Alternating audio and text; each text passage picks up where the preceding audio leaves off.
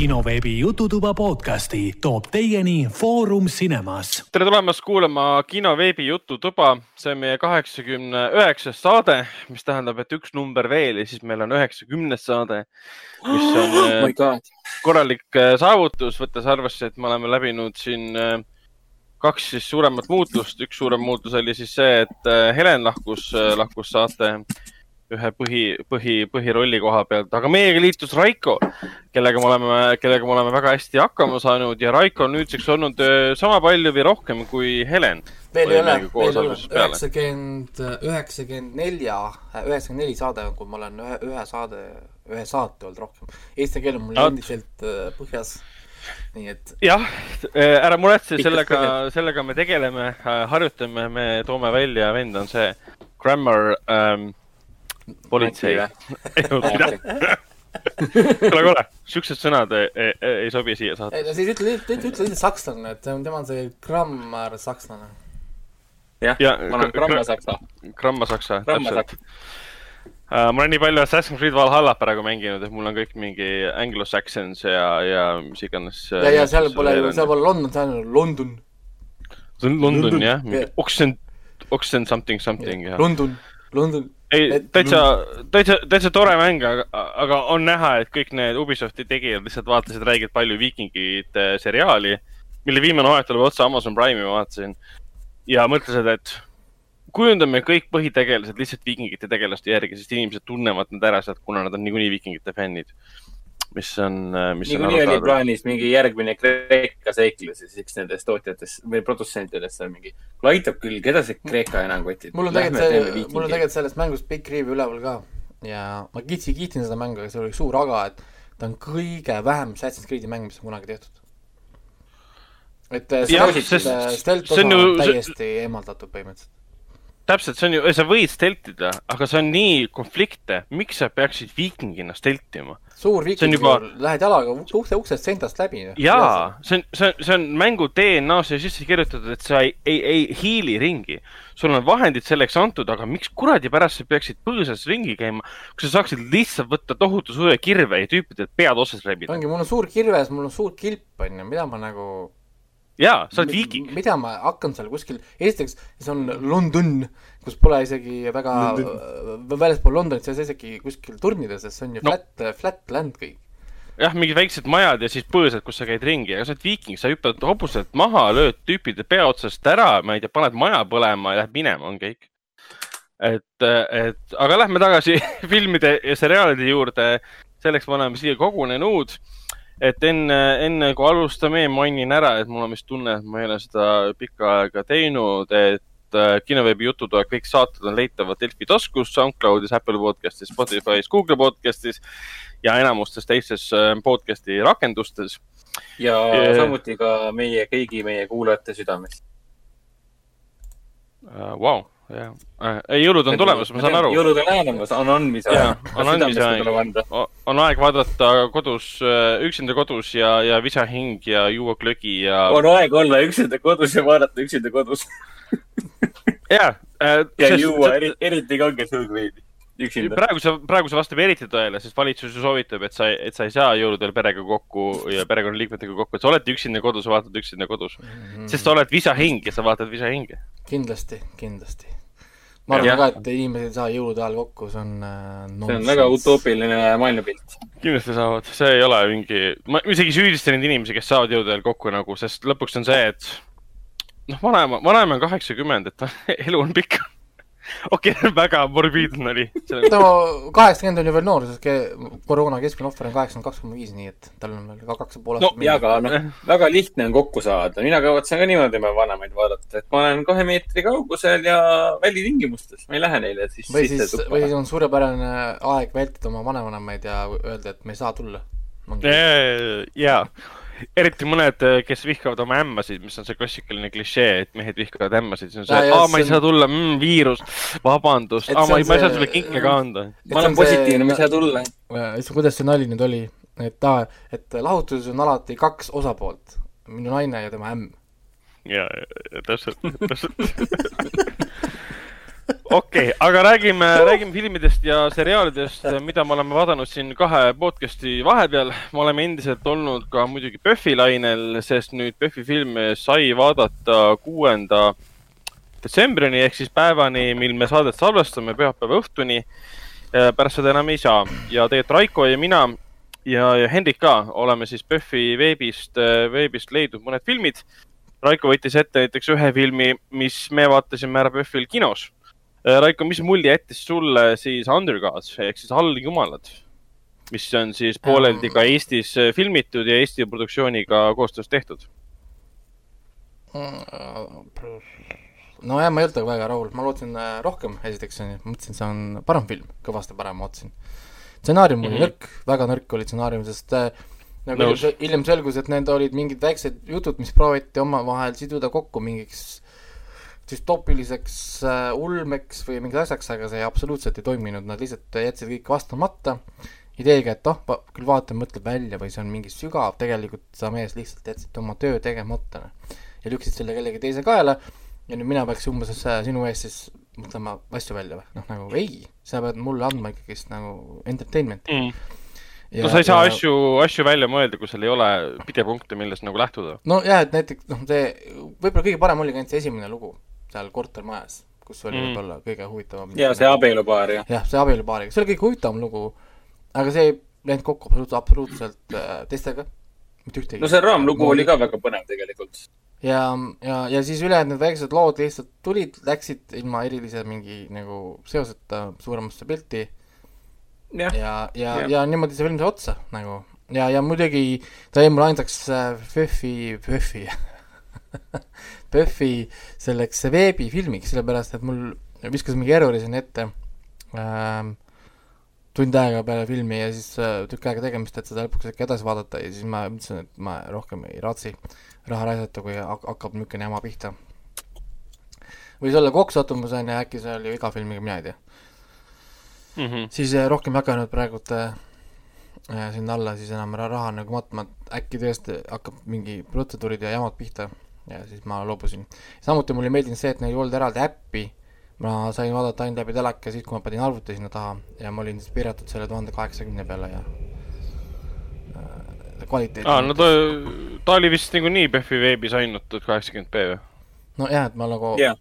veits on, veits, veits on nagu enam ei taha neid tuhande kaheksakümneseid filme enam, noh nagu vot sa oled ära helitatud. aeg on, aeg on juba nagu sealmaal, et nagu noh, mingi 2K võiks ju ikka olla noh, nagu.. Raikol on kaheksa ka või ütle midagi, et ei no lihtsalt, lihtsalt, lihtsalt kuidagi noh, ma ei, ma ei oska öelda, mingi asi nagu häirib, no siis ma vaatad pimedas ruumis näiteks siinsamas, kus ma olin, siis mind hakkab ilgelt häirima see mustad, eriti seal filmis oli palju seda musta varje, siis sa näed neid piksleid seal, siis on ah, ma ei mm.. taha, ma ei taha enam neid piksleid vaata. et, et selles mõttes on veits ära, ära eelidatud ja võib-olla minu oma, oma viga, et ma nüüd seda vaatasin siis veebis on ju, mitte siis äh, kinos suurelt ekraanilt, nojah, kui niikuinii pressitakse peale, et jääge koju ja vaadake filme kinos ja eriti nüüd pärast me jõuame uudiste teemal ka sinna, et mis HBO ja HBO Max eh, hakkab ju näitama kõiki suuri kinofilme. ära ei spoilerda, ei spoilerda. ei tohi spoilerdada uudiseid, jah, jah. see on ainu-, ainult uudistes on uudised. täpselt. aga Raiko, mis, mis sa pe- peale PÖFFi veel oled ette võtnud? sa vaatan, et sa oled võtnud päris mitu täiesti uut Netflixi, Netflixi filmi mul. oli üks huvitav päev. ma vaatasin kolm äh, filmi sama päev. Net-, Netflixis siis kaks tükki ja ühe siis Prime videost. vaatasin äh, Don't Listen äh,, The Call ja siis oli Sound of Metal. Ja kui ma olin kolm filmi ära vaadanud, siis ma taipasin, et millegipärast ma olin päev otsa vaadanud filme, kus äh, fookuses oli kuulmine, kõrvad ja inimeste äh, kuulmine ja seotud kuulmisega seotuvad äh, asjad. ja see ei olnud tahtlik, see ei olnud kuidagi nagu planeeritud, see lihtsalt sõnas mõttes juhtus niimoodi. ma lihtsalt vaatasin nagu filme, mis pakkusid huvi ja millegipärast sattusid kõik filmid, kus oli mingi kuulmise teema, ma olin nagu okei okay,, see oli väga huvitav, et kõrvamotiiv ja ma vaatasin hästi palju kõrva, sõnas mõttes on neil filmides on hästi palju kõrvu, nagu äh, ekraani peal suured erinevad kõrvad siis nagu äkki sul on mingi peidetud kõrvafetiš, millest sa ei ole nagu ise veel aru saanud, aga kogemata valid filme, millel on kõrvad teemas. aga mul siis on kolmekümnendate, kümnendate keskel hakkab välja lööma mingi äh, mingi kerge, kerge kõrvafetiš ja varsti ongi siis see ASMR-id ja värgid ja siis mingi kõrvad. issand jumal. aga, aga nendest, need olid kõik äh, head filmid, esiteks, ehk siis mitte ükski ei olnud halb film. See on nagu täiesti äh, selge, aga enne kui ma räägin nendest, ma tegelikult äh, mainin ära, et ma vaatasin nüüd Käsna Kallet mingi neli korda või. Äh, või? sellepärast, et eelmisest saatest äh, jõudis siis info minuni, et Netflixis on tekkinud mingi salapärane eestikeelne dublaaž sinna. Ma siis tegin aa jaa, meie üks saate kuulajatest kirjutas Jaa. meile, et Ja siis- poisid, poisid, eesti keel on täitsa olemas. ma siis tegin kohe täis Netflixi search'i, sa saad otsida Netflix browse abil, saad valida keeli ja subtiitreid ja leidsin, et Netflixis on siis kaks asja, millel on subtiitrid. Käsna-Kalle ja Better Call Saul, millel on eestikeelsed subtiitrid ja ainuke üks eestikeelse dub- dublaažiga asi, mis ongi Käsna-Kalle film. nii et rohkem pole. aga, aga nüüd me lastega oleme seda mitu korda ringi vaadanud, mitu korda. Ja see on siin, jõudsime sinnamaani, kus nad tegid mulle reede hommikul vist oli, ei, laupäeva hommikul tulid minu kontori ukse taha ja hakkasid tegema niimoodi, et üks laps oli ühel pool, kontori ust teine oli teisel pool ja tegid tere hommikust, tere hommi-, see on, kui te vaatate filmi, siis seal, kui Patrick ärkab ja, ja ja Käsna-Kalle ärkavad, siis nad karjuvad üksteisele tere hommikust, Patrick, tere hommikust, Kalle, ja, ja, ja, ja, ja lasevad niimoodi hästi-hästi pikalt, kuni siis äh, Squidward on, läheb tigedaks, et läheb nende peale karjuma, et kuulge, ilmselt proovivad siin magada. ja siis äh, me põhimõtteliselt tegime sedasama situatsiooni päriselus, kus mina ärkasin, ärkasin üles, läksin tigedalt uksest välja, kuulge, et issi tahab äh, magada. ja siis neil oli väga, väga hea ja tore meel. aga lõpus oli kõigil. et täitsa eesti, eesti keeles olemas väga kihvt dublaaž, väga mõnusalt tehtud, see on see, see, see on see hea helikvaliteediga dublaaž, kus ma kuulen nii filmi, ma kuulen ka heli, ma saan aru, mida nad räägivad. ehk siis kas sa äh, vaatasid järgi ka, kes need hääletegijad olid? ei ole vaadanud, ma isegi ei tea, kus seda vaadata või, või kes nagu tegi, ma arvan, et ta peaks seal lõpus olema listis ju. ma ei tea, kas kas seal on, käste ja kõiki neid. seda ma niimoodi ei ole vaadanud ja niimoodi pole huvi tundnud, aga tõepoolest selles mõttes, äh, et ma igaks juhuks mainin, et film pidi ju tulema ka Eestis kinodesse, aga tänu koroonale läks ta ju edasi. ehk siis tõenäoliselt sedasama kino kinodublaaž siis tõenäoliselt siis, mis oli ja, et see kinodublaaž kino- pidi raudselt nagu jah, kinodublaaž pidi valmis olema Eestis juba, enne kui see otsus juba tuli. aga ilmselt see info, et, et kes või mis seal häält teeb, kas see siis ei liikunud veel? kui need esimesed ei, ei, see veel ei liikunud ja see oli liiga vara selleks. Et seda ma ei tea, kes seal teevad välja, aga tõepoolest hästi-hästi tehtud ja hästi äh,, väga kihvt äh, mu- multikas ka. kusjuures ta hakkas mulle meeldima hiljem palju rohkem, mingi kolmandal ringil või neljandal ringil äh, hakkas ta meeldima isegi rohkem kui nagu varem. ja soovitan vaadata tõepoolest eesti keeles net- net- Netflixis väga kihvt tunne, kui vaatad mõnusas suures 4K ultra high definition kvaliteedis eestikeelsed subtiitrid või siis dublaaž, väga kihvt, väga-väga kihvt harjuks kohe kiiresti ära sellega, et äh, võiks ka olla nüüd uus standard, et enam ei tule mingit stuff'i Netflixi ilma selleta, aga noh, olgu, seda ei juhtu. no ei tasu loota selles suhtes, et see nüüd niimoodi kiiresti muutuma hakkaks. nii, siis need filmid äh,. siis Don't Listen on õudusfilm äh,, The Call on õudustriller äh,, Lõuna-Korea oma ja Sound of Metal on draama. ehk siis erinevad filmid, aga, aga siis ütleme, sarnane motiiv, aga igatepidi muus mõttes nad on väga-väga erinevad filmid siis The Call oli väga positiivne üllatus, selles mõttes, et ta on jõhker triller. ta on mõnus niisugune sarimõrvar-ish revenge thriller, mida Lõuna-Korea väga äh, armastab teha. ja väga neile omane lõpp ka filmil, nii et ärge siit mul on veel vaatamata ja, ja lõppu. igaks, igaks juhuks, Raiko, et kui sul on ja ei, filmi ma, ees mingi asi, mis spoiletakse seda hästi, siis äh, ma ei, ma ei spoil, ma ei spoilerda, nii palju ütlen, et filmil õnnelikku lõppu ei ole, mis on hea, mulle meeldib, kui film No, lihtsalt see on see on ka spoiler, aga okei okay.. kuidas Ei see ole. spoiler ei ole? see ei ole spoil. no nüüd ma tean, et seal ei ole õnnelikku no lõppu. jaa, aga mida see tähendab, mida see tähendab minu jaoks, et sellel filmil ei ole õnne- õnnelikku lõppu? nojah, kui sa ütled näiteks, et äh, kuuendal meelel pole õnnelikku lõppu, siis Jah. see on väga subjektiivne, mida see sest äh, tähendab? kuna, kuna Cole saab teada, et ta on surnud ja vabaneb, siis see on tegelikult hea lõpp. aga mõnes mõttes on see kurb lõpp, sest ta või halb lõpp, et ta saab teada, et ta on surnud. väike spoiler filmile Okei, mis okei, mingi kolmkümmend okei, aastat vana on. nii et kui sa vaatad filmi ära, siis, siis, vana. siis sa saad aru, et, et see ei ole absoluutselt, absoluutselt spoiler. aga filmi äh, story on selline, okei. nii äh,, mis, mis sa, mis sa, mis sa tahtsid öelda? ei, ma ütlesin vendale, et äh, ise oled kolmkümmend aastat vana ja siis on mingi, tere, aga vend ongi kolmkümmend aastat vana. aga. Sorry, sorry, ma hakkasin iseenda nalja peale naerma. nii, palun jätka. Ähm, ja filmi story on selline, et mis ta oli nüüd, ma võtan selle lahti korra, nimed on meelest juba läinud.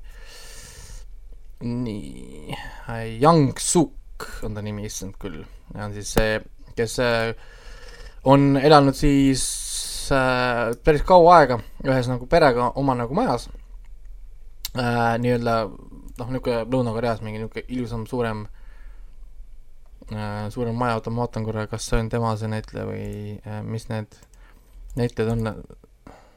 okei okay,, mitte Yang Suk, vaat vastupidi, Seo Yong, vot issand jumal, need on nii ühte nägu. et äh, Seo, Seo Yong on elanud ja siis üks päev teil on üks vana äh, telefon majas veel alles, noh, vanast ajast, mitte see smartphone, aga see tavaline lauatelefon nii-öelda, on meil jäänud alles neil majas. ja, ja ta hakkab saama üks päev lihtsalt vale nagu kõnesid, mis kõik on nagu tunduvad, et on valele numbrile. Mhm. noh, nagu, et otsitakse mingisugust äh, mingit poodi või mingit kohta, mida seal ei ole enam. noh, nagu ja siis ta ütleb, ei see on vale, vale koht ja lõpuks keegi helistab talle, kuule, kas on see aadress ikka või? on. Et kuidas see saab olla, sest ma olen ka sellel samal aadressil, ma olen praegu seisan siin ruumis, ma seisan ka siin ruumis, mismoodi. ja siis ta saab aru, et ta räägib kakskümmend aastat tagasi siis selle endise äh, maja elanikuga on Young Suk tüdruk, kes on siis tema sama vana umbes kui tema ise kakskümmend aastat tagasi. ja, ja hakkavad omavahel suhtlema, jagavad infot, annab siis selle infot tuleviku kohta ja, ja erinevad nagu asjad, mis nad otsustavad teha üksteisele teene. Põhimõtteliselt on siis niimoodi, et äh, minevikust siis otsustab, et äh, päästab tema isa ära. sest tema isa sureb mingi hetk peale seda, noh nagu aja, aja, ajalises mõttes. ja siis vastutasuks äh, tulevikus tüdruk otsustab selle tüdruku elu päästa. sest selle, tema tulevikus tuleb välja, et selle tüdruku ema äh, tappis siis selle tü- tüdruku ära mingi hetk peale nende kõnede alustamist. ja ongi kõik, siit ma rohkem, rohkem enam edasi ei räägi. Äh, okei, okei, okei, ma võib-olla tahtsin nutma hakata. see, see, see ongi, see ongi nagu see main äh, story, kuidas nad siis proovivad nii-öelda nagu kahte asja korraga teha. aga asjad ei lähe nii, nagu tahavad, tulevikuga mängimine, minevikuga mängimine on keeruline, filmis on väga palju CGI-d, mis on äh, nagu väga fancy, noh, need erinevad sündmused, siin on pikk film, siin on visa- vasakule, paremale, mitu korda meid äh, äh, petetakse, karakterid äh, on, on keerulised, siin on palju verd, olge, olge valmis siis igasugusteks rappimisteks, lõikamisteks see on, kõlab täpselt nagu Lõuna-Korea jaa sarimaastika, film. on ja, ja kuni lõpuni välja, kuni viimase sekundini välja on ikka pingid põhjas, et äh, väga vinge. ma püüan seda kindlasti järgmine nädal ära vaadata. et mõnus, mõnus andmine käib, draamat vasakule ja paremale äh,, traagikat jagub äh,.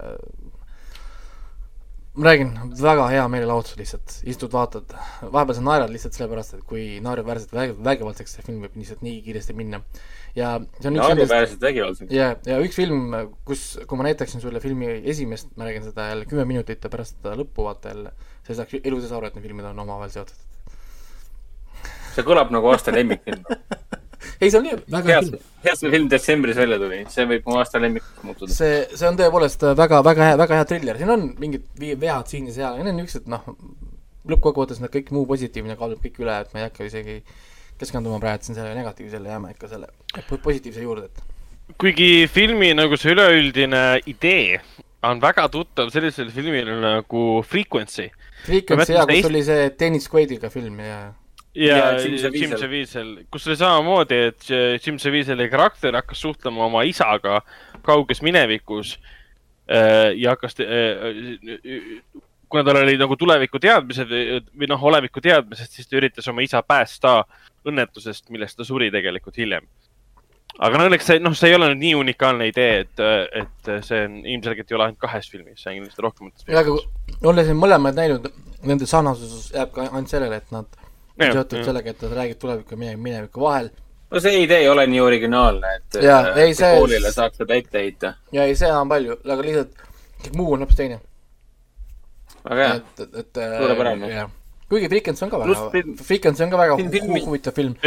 sest, sest oma ema päästmisega või isa päästmisega ta tekitas situatsiooni, kus kohas ema oli kohapeal ha- haiglas, et päästa tulevane sarimõrvar.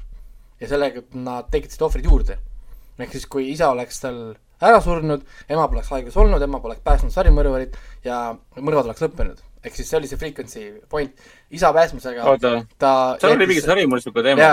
ja, ja seal oli Jah. see sari eh, kes tegi neid äh, põlenguid. büromaan või? oli mingi, mingisugune oli jah oli mingi büromaan või? jah, jah Jah., ja siis eh, ta muidu suri ära nagu selles ori-, originaalses timeline'is ta suri haiglas ära. ja Jah. Jaa. mõrvad, mõrvad lihtsalt lõppesid ja ka ema ei olnud haiglas, sest isaga juhtus õnnetus. isa oli tule, tuletõrjuja, ema, ema läks ära, kui ta kuulis, et oli see halb uudis. siis, kui nüüd, kui ta päästis isa ära, siis ema ei pidanud haiglast ära minema. päästis sellega sarimõrvari elu, mis lõpetas sellega, et mingi viiskümmend, kuuskümmend inimest suri veel ära selleks ajaks, kui see mees oli surnud. ja siis need siis neil tekkiski lõpuks see moraalne või noh, nagu dilemma, mis nüüd saab, kas ma peaksin laskma isal surra ikkagist ära, nagu originaalis oli, Mhm. või siis mitte, ühesõnaga, noh, niisugune teema oli see. kas sa päästad ühe ja lased kuuekümnel surra? jah, selle, ja selles mõttes jah, see kogu see dilemma, seda väiksena ma nägin hästi palju, hästi kuule, palju mul TV3 on kuri kahtlus, et see Frequency, mis on USA Netflixis. ja eks ta kuskil okay., kuskil ikka on, Hulus on ta kiire, Hulus on ta niikuinii olemas, see on, kõik on seal on kõik kiire olemas. kiire Google, huvitav on see, et sa saad guugeldada nagu paned Frequency kaks tuhat, paned stream ja siis mingi kolmas link on Netflix, aga kui selle lahti teed, siis sina enda alt ei näe seda. ja, jah, ehk siis Ma arvan, et see on, äh, USA USA-d,, jaa, tõenäoliselt on USA oma. siis ma tean, et äh, ma saan seda vaadata. üks, mis oli, mis riik see oli, Hispaania film, aa, Don't listen. mille originaalne pealkiri on Voces või, või siis nagu Voices, peaks olema tegelikult hääl. otse, otsene tõlge nagu Voices, aga nad millegipärast tegid Don't listen. tegid selle ja see on ka seotud siis helidega. See film, noh, too kool oli seotud helidega selles mõttes, et nad rääkisid terve aeg nagu telefonidega. ehk siis need kõrvad ja telefonid oli suur, suur motiiv filmis. noh, nagu nende ainukene suhtlusviis oli ju äh, telefon siis äh, siin on konkreetselt seotud sellega, et äh, pere, kes siis äh, jälle teenib elatist sellega, vanemad, et nad kolivad siis äh, nii-öelda uude majja, reno-, renoveerivad selle kõik ise ära, siis müüvad kallimalt maha. Ja niimoodi liiguvad majast majja, majast majja, majast majja. nüüd nad võtsid suure projekti, suur maja, kus on bassein, mis on kõrvakujuline bassein. mulle see väga meeldis, nagu see Kõrva? jaa, nagu kõrvakujuline bassein, saad aru, niisugune nagu noh, see niisuguse kujuga bassein, mida siis la-, lavastaja kasutas päris kihvtilt ära vahepeal. niisugust mõnusateks üleminekuteks ja niisugusteks nagu äh, ilusateks raamideks siis äh, kasutas seda kõr-, kõrvakujulist basseini ära. Kolivad siis ühte nagu majja ja siis nende poiss hakkab seal äh, kuulma hääli.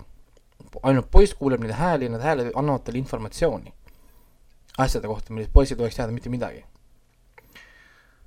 Noh, ja, ja, ja poiss saab tuleviku, tuleviku kohta informatsiooni, näiteks hakkab tegema pilte, kuidas keegi sureb, poiss saab äh, teada sündmustest, mis mu- toimuvad mujal, samal ajal kui nemad on majas, poiss ei tohiks teada mitte midagi, ja keegi ei usu teda poissi, et ta kuuleb neid hääli.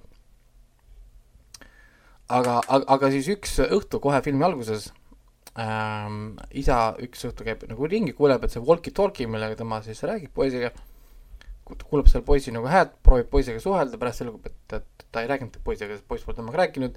hiljem oli vastupidi, poiss räägib isaga, oma, oma arvates isa tegelikult ei räägi. onju.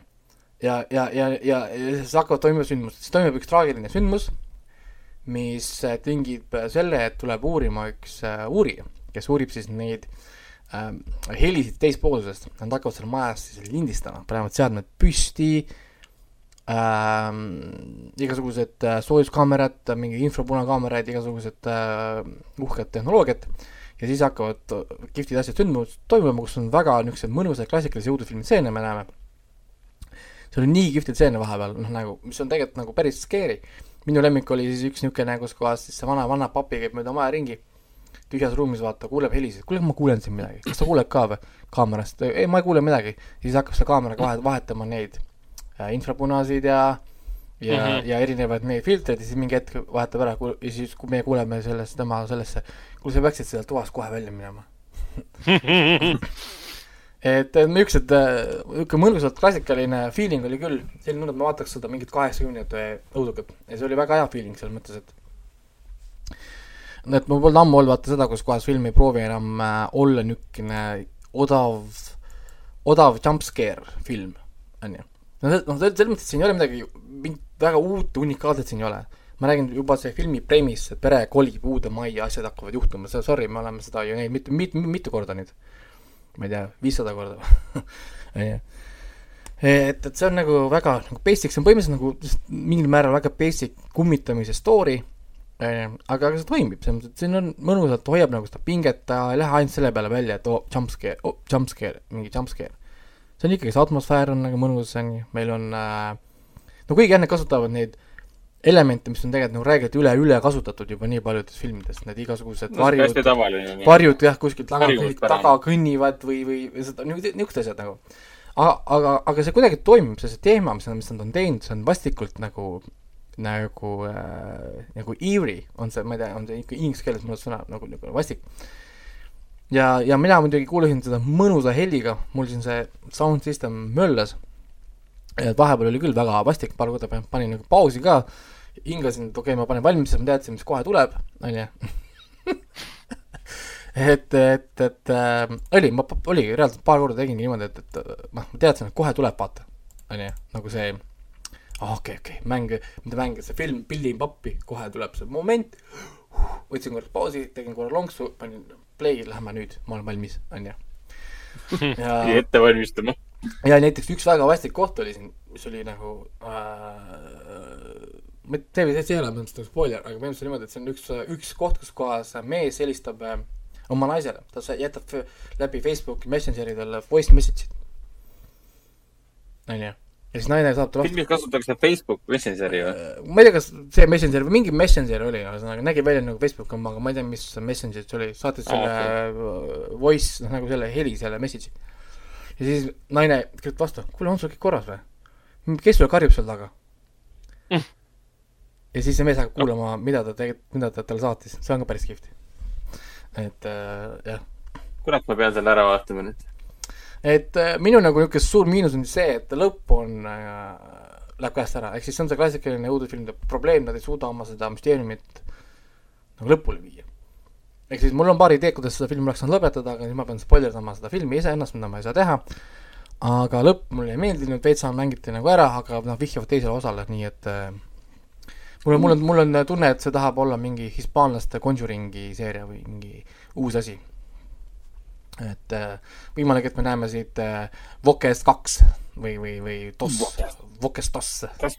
Vokest Dos või midagi sellist. no ma üldse ei imesta, kui varsti tuleb sellele ka see mm, USA remake noh, muidugi, see, see, see, see, see on ka kahjuks, see on kahjuks alati oht, mil-, millega me peame arvestama, et, et, et tehakse ja, ja nüüd siis muidugi äh, kvaliteetfilm äh,, Sound of Metal.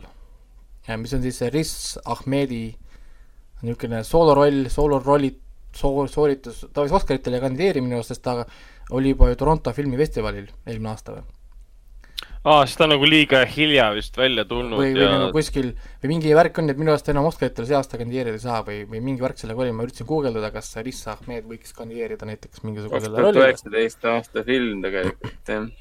ja siis ta tegelikult vist tegi mingi, kaks tuhat üheksateist tegi neid festivali-tuure. ja vist mm, -hmm. ja vist linastus Toronto filmifestivalil või kuskil, et ta tegelikult oli juba eelmine aasta vist oli, kui ta üldse kandideeris, oleks saanud tegelikult juba eelmine aasta nii et äh, Riis Ahmedi me kahjuks ainult Oscarite nimistus ei näe, me vähemalt mitte selle filmiga. võib-olla siis tal on siin see aasta ka muid, muid, muid filme olnud. siis äh, aga tal tuleb vist üks veel mingi hästi imeliku nimega Mugul Mug... Maugli. ja seal ta mängib räpparit, räpparit äh, Londonis vist, kui ma ei eksi.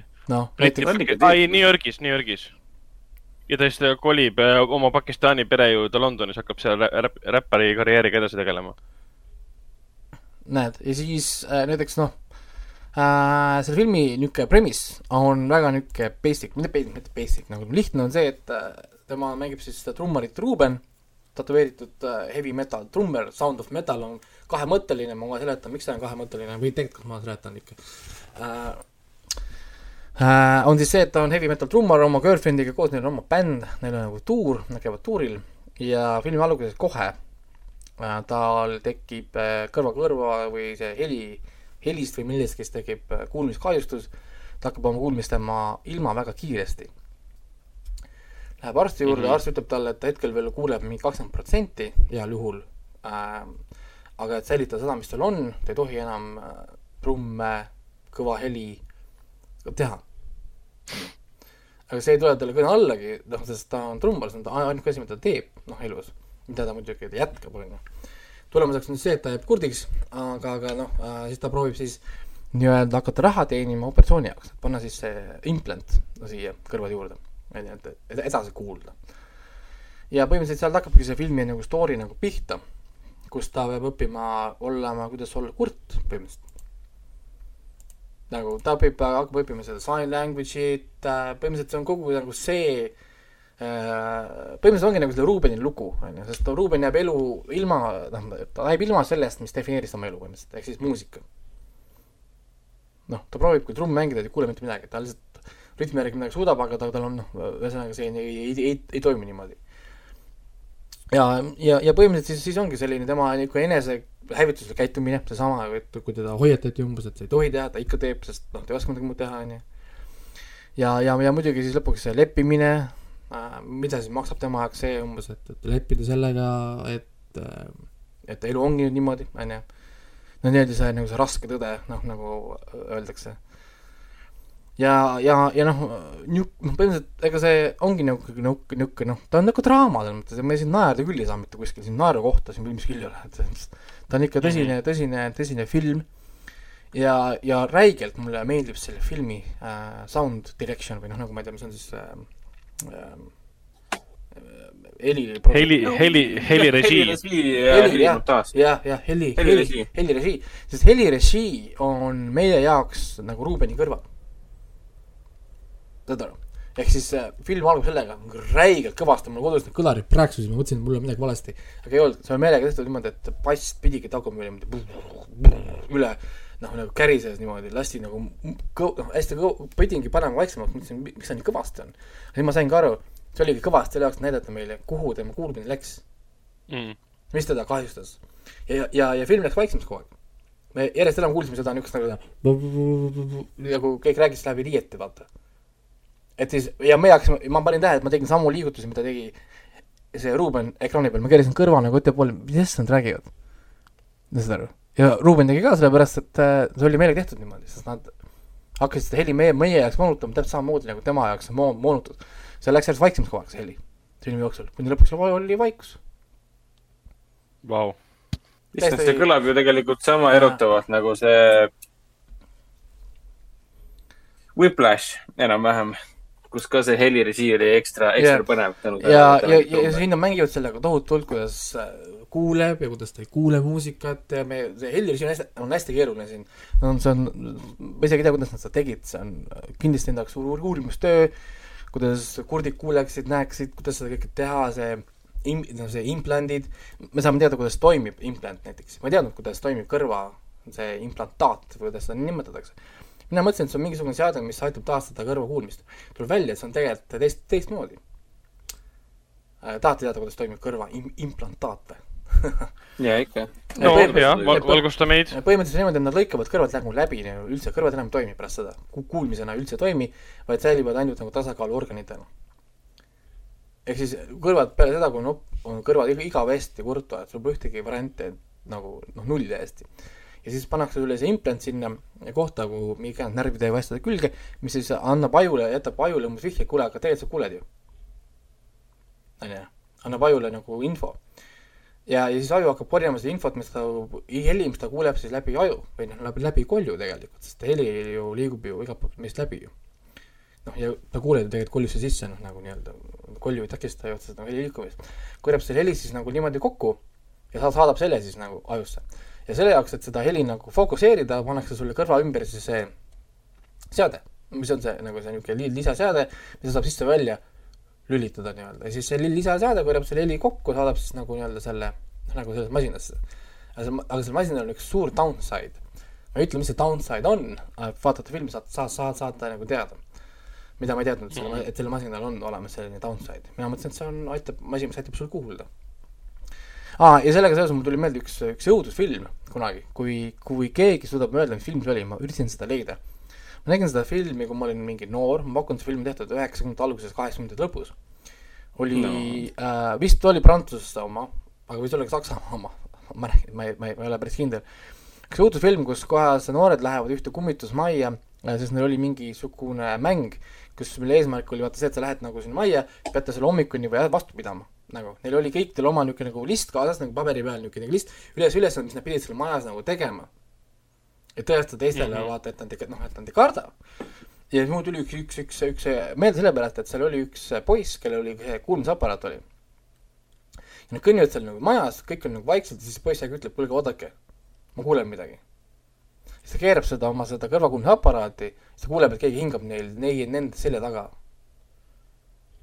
Ja siis nad hakkavad nagu, siis hakkab selline niisugune nagu mingi veider poltergeisti taoline monster mingi asi pihta, kus nad kasutavad seda poisi kuulmisaparaati, kuulda samme ja liikumist, mida, mida, mida keegi teine ei kuule. Mm. aga ma ei suutnud seda filmi leida, see oli, ma pakun mingi kaheksa minuti lõppu, üheksa minuti alguses ma proovisin siin guugeldada mm. IMDB-sid asju, väga raske on, sest ma see olen tehnika tuleb väga tuttav ette. mul on nagu silme ees mingi stseenid või, või kaadrid, kuidas keegi reaalselt jah, kasutas seda enda huvides ära, et, paremini et, kuulda. aga mis see on, seda ma tõesti et, et kui keegi teab, mis... film see on, kindlasti andke teada, sest ma tahaks seda uuesti vaadata, aga lihtsalt ma ei, ei suutnud seda leida või ma isegi ei tea, kuidas seda täpselt nagu otsida, sest ma isegi ei tea, mis äh, riigist see pärit oli. see on nagu see kõige keerulisem asi alati. aga, aga, aga Sound of Music, selles mõttes tal on, ta on niisugune puhas nagu draama, et mulle räigelt noh, nagu meeldis see igati, igatepidi ja, ja mulle meeldis tohutult nagu see, kuidas teised kurdid, tahtsid õpetada Ruubenit, et, et, et kuidas olla kurt et see oli tal ju kõik ütlesid, et ole kurt üheks momendiks, istu üks moment, ole paigal, ära proovi rabeleda, ära proovi teha mitte midagi muud, ole kurt ja naudi seda, mida teised ei saa, totaalset vaikust. Nice. jah, ja, ja, ja, ja, ja see on siis il ilus mõte. jah, ja, ja siis, siis äh, ma siis äh, tegin selle re- review ka äh, inglise keeles, sest ma millegipärast kirjutan hästi palju inglise keeles, siis ma, mulle meeldis üks lause, mis ma panin ise siia lõppu, siis oli see, et ma panin, et it sounds best when it is quiet Hmm. see film. It sounds best when it's quiet. ilus, Kena. ilus kokku, ilus kokkuvõte. Ja siis äh, need olidki põhimõtteliselt, aa ei, mul oli veel paras, mis ma vaatasin, õige, ma vaatasin eile õhtul ära jaa, äh, selle äh, Pardon my Icelandic äh, stand-up'i, isegi mingi Ali mina- Ali Er-, Er-, Erdjani mina vaatasin ka. mina vaatasin ka, jah. ja ma vaatasin See on seda ainult äh, sellepärast, et Hendrik soovitas ka seda meile siin chatis, ütles, et see on äh, jube hea asi või et see on naljakas. ma ütlesin davai, olgu, ma tahan vahel komöödiat, ma ei öelnud, et see on jube hea asi, ma ütlesin, et see on päris naljakas. Aitab küll, Raiko jaoks üle haipisid juba selle asja ära. nii, aga räägi ka Raiko või räägi Ragnar ja Raiko, kuidas teile meeldis? ja, ja ei, ma naersin päris palju, ma ütlen kohe, et mulle väga meeldis nii süütu huumor, selline mulle meenutab see huumor ongi, et sul on mingisugune family reunion või niisugune suguvõsa kokkutulek ja siis mingi onu teeb nalja kuskil, vaata. jah, ta ei, ta ei, oli ta ei ole, ta ei ole, ta ei ole terav selle koha pealt, jah. et väga, väga niisugune natsionalistlik huumor, et, et äh, tohutult palju erinevat keelehuumorit, ta räägib palju keeli äh,, palju seda niisugust, niisugust nagu riikide vahelist huumorit, Taani äh, saab puid alla, Norra saab puid alla, Rootsi saab puid alla. tal on mingi teema Taaniga. Äh, Soome- Soome saab puid alla. ei, ta ütles, et Island- äh, Is- Islandil on Taani, Taaniga teema te,, teema, sest Taani on nende overlord, nagu ta ütles. ja Jaa, Taani on olnud valitseja nii kaua aega, et nad on vaadanud üles tema poole kogu, kogu, kogu, kogu aeg ja siis näiteks mulle meeldis see hea nali, mis ta ütles, vaata, et äh, taanlased räägivad islandlase kohta sellist, nalja, et et, et kas te teate, mis on kõige raskem asi Islandil või? no mis see ja, ja, et äh, proovite kahte jalga, jalga korraga hoida saare peal, vaata. ja siis Harri mingi, aga miks ta naljakas on? no sellepärast, et Island on nii väike, et sa võid välja kukkuda ja sealt., ja Ja Island on suurem mingi- suurem kui Taani. Taani on palju väiksem kui Island, millest te räägite? kuradi hullud, noh. no ta tegi jah, minu arust, ma olen Raikoga nõus, et väga sihukest turvalist nalja nagu jah, ta paar korda ropendas, enamalt ropendas muidugi siis kas islandi keeles. soome keeles või taani, mis iganes. et sõna fuck vist käis inglise keeles paar korda läbi ja ta üldse poliitikat ei puudutanud, välja arvatud siis eh, Nordic eh, riikide nagu oma, omavahelist kemplemist, ütleme nii. aga tema suhtumine oli tore ja ta oli näha, kuidas ta väga püüdis ja püüdis ja püüdis. Ja kohati oli sihuke tunne ka, et kui ta seal maas põrandal väänles, et ta nagu ootas ka, et noh, millal inimesed paksutama hakkavad, võib-olla ootas nagu suuremat aplausi, kui ta sai. aga ta oli tore, vahelduseks on tore kuulata inimest äh, rääkimas asjadest, mida ta teab. ainult noh, millest tal on kogemus olemas selle koha pealt. ta ei võtnud nagu ette teemasid, millest ta on kaudselt lugenud, millest ilmselgelt nagu tegelikult ei tea. kui ta arvab, et on tähtis ja ta peab jagama oma arvamust.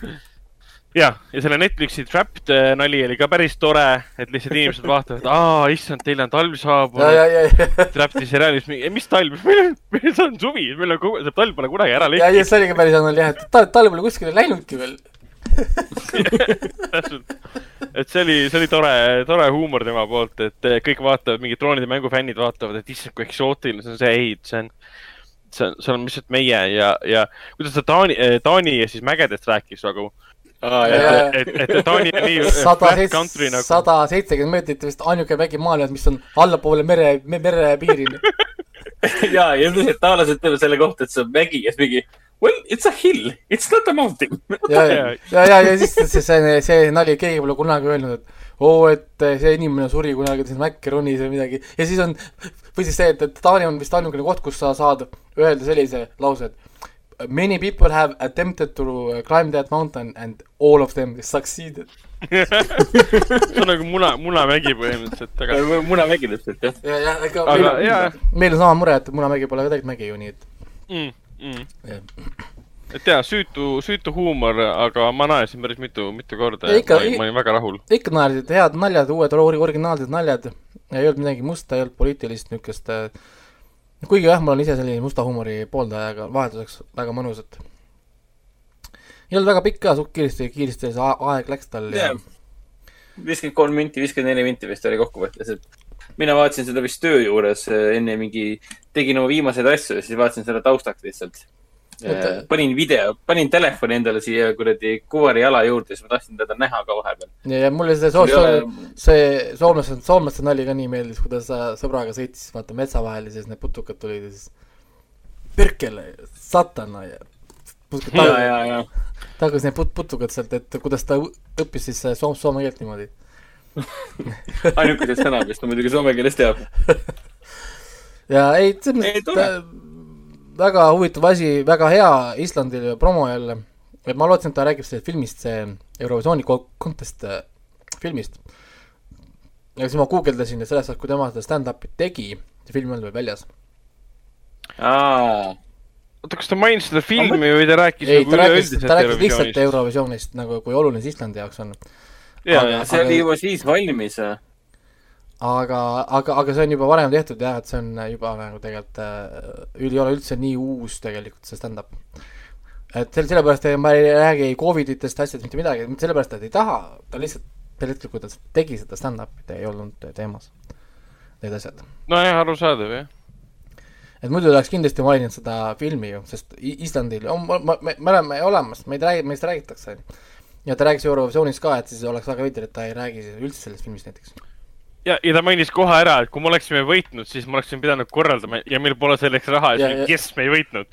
tahame võita, aga me ei taha ka võita, siis meil pole raha, et seda see korraldada. oli nii hea, kui ta heitis nalja selle Ida-Euroopa üle, et kui ma ei tea, mingi Läti või Leedu või Ukraina jagavad sealt naabritele numbreid. kurat, täielik mafioosod, mingi kartellileping.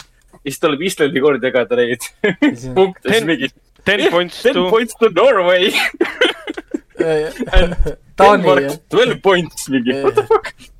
Eight points to Sweden. ja siis ta tegi nalja veel selle Marveli nende mm, Tori, Tori tegelastena ka ju no ja, ja need valesti hääldatud nii niimoodi, Asgard, kuidas ta hääldus on, mingi what- is Asgard, mingi As-, Asgard, mingi what? what is Asgard? ja see Tori, Tori hääldus ka, Thor, mitte what is Thor, Thor, here is my hammer. Here is my hammer, hammer, tuleks Islandi või Thor. Norra aktsendiga, here is my hammer, I bought it from my shop. hoor, hoor, see oli eesel. ei, ma räägin, et siin siin, siin oli väga niisugused head nalja, sa õppisid ka tegelikult, ma räägin omajagu nii Islandi kohta kui ka naaberriikide kohta, oli Jaa., see on hariv, lisaks sellele, et naljakas. Ja mul tuli seda vaadates näiteks eelmine majandus, majanduse kokkulangemine meelde. mul oli see juba meelest ära läinud, nii et thanks Harry for that. Sii, mis ma veel vaatasin, ma vaatasin täna vaatasin ära Alien Worlds. Netflixi pealt, mis oli number üks Eestis, mõtlesin, mis asi see on, vaatan siis ka ära. number üks. jaa, oli number üks, läks Queen's Gambitis lõpuks mööda, Queen's Gambit on olnud number üks mingi, ma ei tea, viimased kuu aega Karusell. onju, mingi hästi, hästi, hästi, hästi pikalt. Ja Alien Words oli number üks, mõtlesin, no nii, mis asi see on, tuleb välja, see on doku-, dokumentaalseriaal, ainult neli episoodi. Ja väga hea asi. põhimõtteliselt see on niimoodi, et nad võtavad igas episoodis ühe M-klassi planeedi, kui te olete vaadanud kunagi sci-fi show sid nagu ma ei tea, Stargate, SG-1 või, või, või Star track või whatever, siis M-klass planeet on siis nagu planeet Maa, ehk siis planeet, mis asub selles äh, kuldkiharakese tsoonis kuskil päikese ümber, kus tõenäoliselt on elu. kuldkiharakas tsoonis või? jah, kuld, kuldkiharakese tsoon ehk siis pole pi- mitte liiga külm ega mitte liiga soe. see tuleb siis sellest mm. kolm, kolme karu muinasjutust, kus alguses on liiga, liiga, liiga kuum toit, siis on liiga külm toit ja siis on see magustsoon, see õige. Ehk siis nagu potentsiaalse elukõlbulik või? jah, ehk siis M-klass planeedid, ehk siis ta, noh, ta peale selle, et ta on õiges tsoonis, ta peab olema ka õige suurusega ja nii, edasi. kui on liiga suur, siis elu ei saa toimida, sest gravitatsioon on liiga suur bla,, blablabla, ühesõnaga nagu erinevad pro probleemid, vaata. ja, ja siis nad võtavad nagu niisugused teoreetilised planeedid. esimene episood oli vist planeet Atlas, mis on kaks, korda suurem kui planeet Maa, sellest tulenevalt on gravitatsioon suurem, õhutihedus on suurem, ehk siis äh, kergem on õhus hõljuda, liigelda õhus aga samal ajal on maast lahti saada keerulisem, sest gravitatsioon on suurem. räägivad siis, kuidas tõenäoliselt seal loomad areneks, kõike seda saadab siis niisugune ilus CGI loodud äh, äh, maailm, me näeme kõiki neid loomi, millest nad räägivad, mingid erinevad mingid tulnukolendid, kuidas nad võiksid hõljuda, lennata, kuidas nad, kuidas nad toitu otsiksid, kuidas nad paljuneksid, on ju äh,, kogu nagu bioloogia on nagu juba nagu paika pandud ja siis nad täiend-, ja siis iga nagu episoodi vahele nad topivad niisugust nagu lisainfot, kus see info on nagu tulnud. Nad annavad sulle nagu hariva, harivad sind ka, näiteks kuidas teadlased leiavad neid eksoplaneete, see selgitab, et eksoplaneet on siis planeet, mis asub väljaspool meie päikesesüsteemi. ehk siis planeedid, niisama, me räägime ainult meie kaheksast pluss siis Pluutost, on ju, aga eksoplaneedid on kõik muud planeedid siis, mis ei asu meie päikesesüsteemis. ja selgitab, kuidas nad leiavad neid ähm, planeete, kuidas nad selgitavad äh,, mis on atmosfääri koostises, räägib tea- teadlastega, kuidas sa tead seda, et, et see planeet mingi, ma ei tea, viisteist valgusaastat on, ma ei tea, et tal on hapnikku näiteks äh, äh, selles atmosfääris. nad näitavad seda näidetega, kuidas nad Veenusega tehakse see kindlaks, kuidas see liikumine toimub, kui planeet liigub päikse eest läbi, kuidas see valgust mõjutab, kuidas valgus toob informatsiooni meile, kuidas valgus põrkub mingi aatomite pealt, siis need aatomi võnkumised jõuavad meieni, me teame, näed, et see on heeliumi äh, osake, see on äh, magneesium, see on see, järelikult kui need on seal atmosfääris, me teame, et seal on, seal on ka hapnikku, kui seal on hapnikku, siis on seal on ka vesi ja kui need on olemas, siis on tõenäoliselt ka seal elu, on ju, et noh, saad aru, nagu niisugune prots-, protseduur. ja siis nad muidugi selgitavad kohe näiteks ka, et kui keegi mõtleb, et elu on universumis on harv, siis äh, numbrid räägivad vastupidi, et ütles, et näiteks seesama näide äh,, klassikaline nagu niisugune arvu, arvutuskäik, et kui planeet Maa peal on ju, elu tekkis ütleme, äärmiselt ebatõenäolise niisugune sündmuste tul- tõttu, ütleme, ütleme, et meil oli miljon asja, mis juhtuvad kõik harva ja need juhtusid nagu õigel ajal. ehk siis tekkis nagu elu, ütleme, see on üli-, mingi olematu tõenäosusega. võtame sellesama tõenäosuse ja nüüd anname, paneme sellesama tõenäosuse planeeti peale äh, ko- kosmoses, mida me, mida me teame, et eks eksisteerib. me, me saame, et on väljas kuskil on kümme äh, miljardit äh, triljonit planeeti, kus on elu. et äh, tõenäosuse mõttes ta ütles, et on üheksakümmend üheksa koma üheksa, üheksa, üheksa, üheksa protsenti, et on planeedid, kus on elu vohab. sellepärast, et lihtsalt see on nii palju planeete on, et isegi kõige väiksem tõenäosus elu loomise juures annaks sulle miljoneid ja miljoneid planeete, mis on elu, elu täis.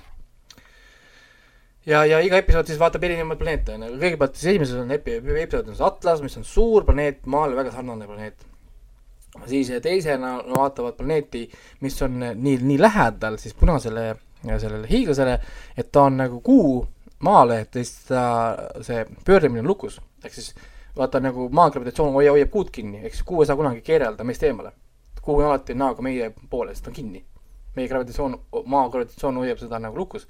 siis seal on sama asi, päikese gravitatsioon võtab siis selle planeedi, planeedi kinni, ehk siis planeet on igavesti ühel pool on kõrv ja ühel pool, teisel pool planeeti on siis jää nagu külm ja siis on seal see magustsoon. ehk siis see keskmine tsoon, kus on siis üle, üleminek sellest planeedi peal nagu kuumast külma peale, kus siis vesi sulab, see külmapoolne vesi sulab ja voolab sinna kuuma poole. seal, mis el- elukad olendid seal võiksid siis eksisteerida.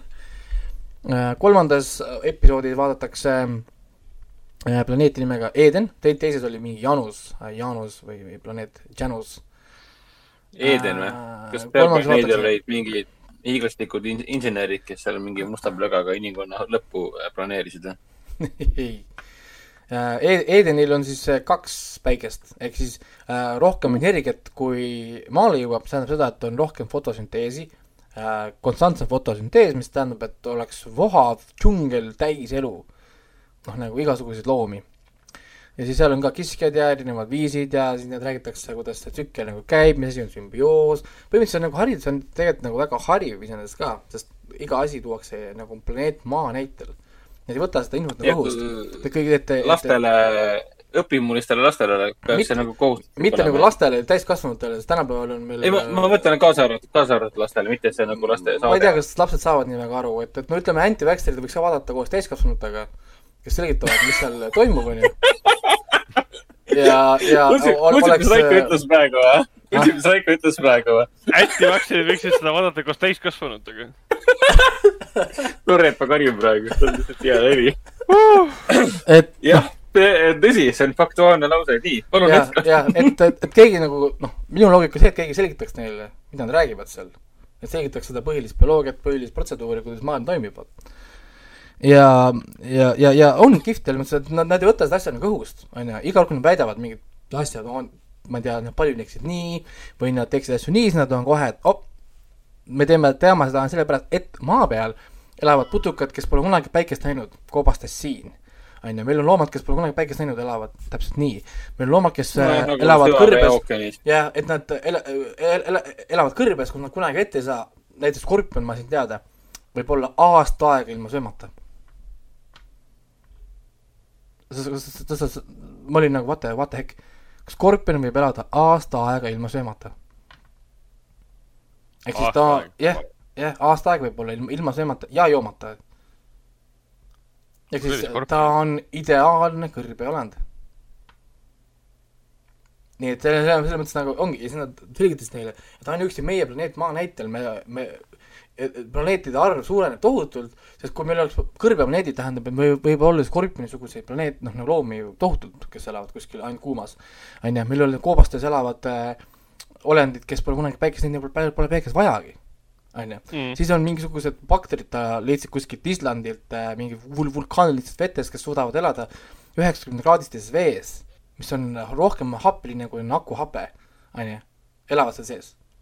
Et siis, kui, kui meil on juba ei, meie enda planeedil on niisugused elu, elusolendid olemas, siis sorry, miks me ei või olla ju planeetide viisini kuskilt seal väljaspool, mis elavad ka mingi nojah, mingi miljoni mis, kahe, kolme miljoni valgusaasta kaugusel on näiteks planeet, kus elavad, on ainult ülimalt toksiline keskkond nagu akuhape põhimõtteliselt ja elavad ainult mingid bakterid näiteks või ela-, on ainult kuum keskkond, kus elavad hiiglaskorpionid. no näiteks jah, jah, et selles mõttes, et ja siis nende nagu näitel nagu loodigi seda. Ja siis äh, kõige viimane episood on siis kõige huvitavam võib-olla, kui nad räägivad äh, nagu meie mõistes tulnukatest.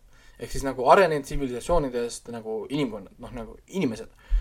ja siis nad võtavad nagu ekstreemse näite, et äh, valivad siis nagu ühe üliarenenud tsivilisatsiooni planeedil Terra, kus kohas see tsivilisatsioon on arenenud kaks korda kauem kui meie. või noh, nagu planeet on kaks korda vanem kui meie ja tsivilis-, tsivilisatsioon on nagu hüperarenenud ja, ja, ja nad ütlesid, et tsivilisatsiooni arengut, kusjuures ma ma sain jälle teada uh, huvitava asja uh,, mida siis tead-, teadlased uh, mõõda, kuidas mõõda, kuidas mõõdavad teadlased tsivilisatsiooni arengut, on sellega seotud, kuidas nad, kuidas see ühiskond suudab ära kasutada päikeselt tulenevat energiat. kui, kui palju, nagu. ja siis me saimegi teada, et inimkond täna, on ju, kasutab aastas, mis oli mingi nelisada kümme kilotšauli või whatever, mingisugune ühi, ühik äh, energiat, mis on vähem äh, kui päike saadab maa poole tunni aega. ehk siis inimkond ei oska üldse kasutada ära põhimõtteliselt nagu päikesest tulevat e- energiat, väga vähe. nagu, ja siis nad tõidki välja, et kui me oleksime sellise võimekusega nagu ütleme, see mingi teoreetiline ühiskond kuskil planeedilt Terra, kes kasutab ära sada protsenti päikselt tulevat energiat, siis me võiksime terraformida planeeta nagu nii, nagu meie tahame, meie määrame kõik aastaajad, meie määrame kõik asjad, sest meil on nii palju energiat, suudame planeedi panna tegema seda, mida meie tahame. mitte planeet ei Mhm. dik- dik- dik- dik- dikteeri meile mingeid hooaegu või asju. nii et väga-väga hariv äh, tohutult palju erinevaid kohti ka maa pealt, me näeme kõik väga äärmuslikud kohad ära meie enda planeedilt. ja näiteks mulle meeldis ka üks äh, mõnus ana-, analoog, üks teadlane siis tõi kohe näite, et kuule, et äh, ma kohe vastan kõikidele küsimustele ära, ta ütles, et ma tean, mida inimesed küsima. kui sul on nii palju elu seal väljas, miks me ei leia seda? Siis ta, ta, siis ta võttis selle, nad seisid kuskil kai peal, viskas ämbriga vett ja selle ookeani viskas siis selle ämbri, tõmbas sealt äh, ämbri täis vett välja, ütles, et no vaatame sisse siia. ei ole elu, järelikult ookean on siis ju elutu. okei, noh, ehk siis ma väga ju väga hea, väga hea näide. et, et ma ju võtsin ju ämbritäie vett siit ju. ma ei näe siin midagi siin vee sees ei ole midagi. ei ole siin mingit neid, ma, mingi kalu või mis, millest te räägite, vaata. onju, aga tegelikult me teame, et ookean on ju ilu täis, aga kui sa hakkad seda ämbritega niimoodi otsima ja leidma, siis see, sa jäädki seda terve elu tegema, sest kui suur on tõenäosus, et sa saad selle ämbri kelle kätte, vaata. kes siin on sama asi, kosmos on veel suurem, veel suuremad numbrid, veel laiemad asjad et, et seal vist ta korra mainis ka, et, et see ämber on isegi liiga suur, et pigem me, peaks seda võtma siis umbes liivatera suuruse äm-, ämbriga peaksime otsima siis ookeanist elu. noh, et, et kui kaua see sul aega võtab ja ta ütleski, et ega me tõenäoliselt ei pruugi kunagi leida seda elu äh,. sest lihtsalt see on liiga suur äh, kosmos, et lihtsalt, et isegi nii suure tõenäosusega, et on planeete nii palju, lihtsalt tõenäoliselt me kohtame neid on veel väiksem lihtsalt nagu kõiki asju arvestades kui, kui suured need vahemaad, kui suured kõik need asjad nagu on, kui palju asju peab ikkagi kokku langema, et me leiaksime või näeksime üksteist ja, ja nii ja nii edasi ja nii edasi. et äh, jah, ei väga, väga, väga kihvt asi, ma saan aru, miks see praegu po- populaarne on, mõnusalt äh, hari-, har-, hari-, hariduslik. Ja et see on Eestis number üks, annab mulle lootuse, et, et meil äkki veel on lootust maailmas hoida mingit äh, mainet kui et äh, tark riik, et kuigi, kuigi, kuigi ma, ma i- iga kord, kui ma Facebooki või Twitterisse lähen, siis ma lähen ikka sinna suunas, et, et lootus on kõik läinud. see rong Ja- on läinud, mulle vähemalt tundub nii. ja siis kõige viimane asi, mis ma vaatasin, on Star track, siis on kolm episood kaheksa, ma muidu räägiks nendest episoodidest, episoodidest ennem kui hooaeg on läbi, aga siin oli üks äh, rõvedalt vastikult sotsiaalpoliitiline hunnia, mis põhimõtteliselt äh, tõmbas kolmanda hooaja mutta endaga kaasa äh, ja tahab põhja lasta.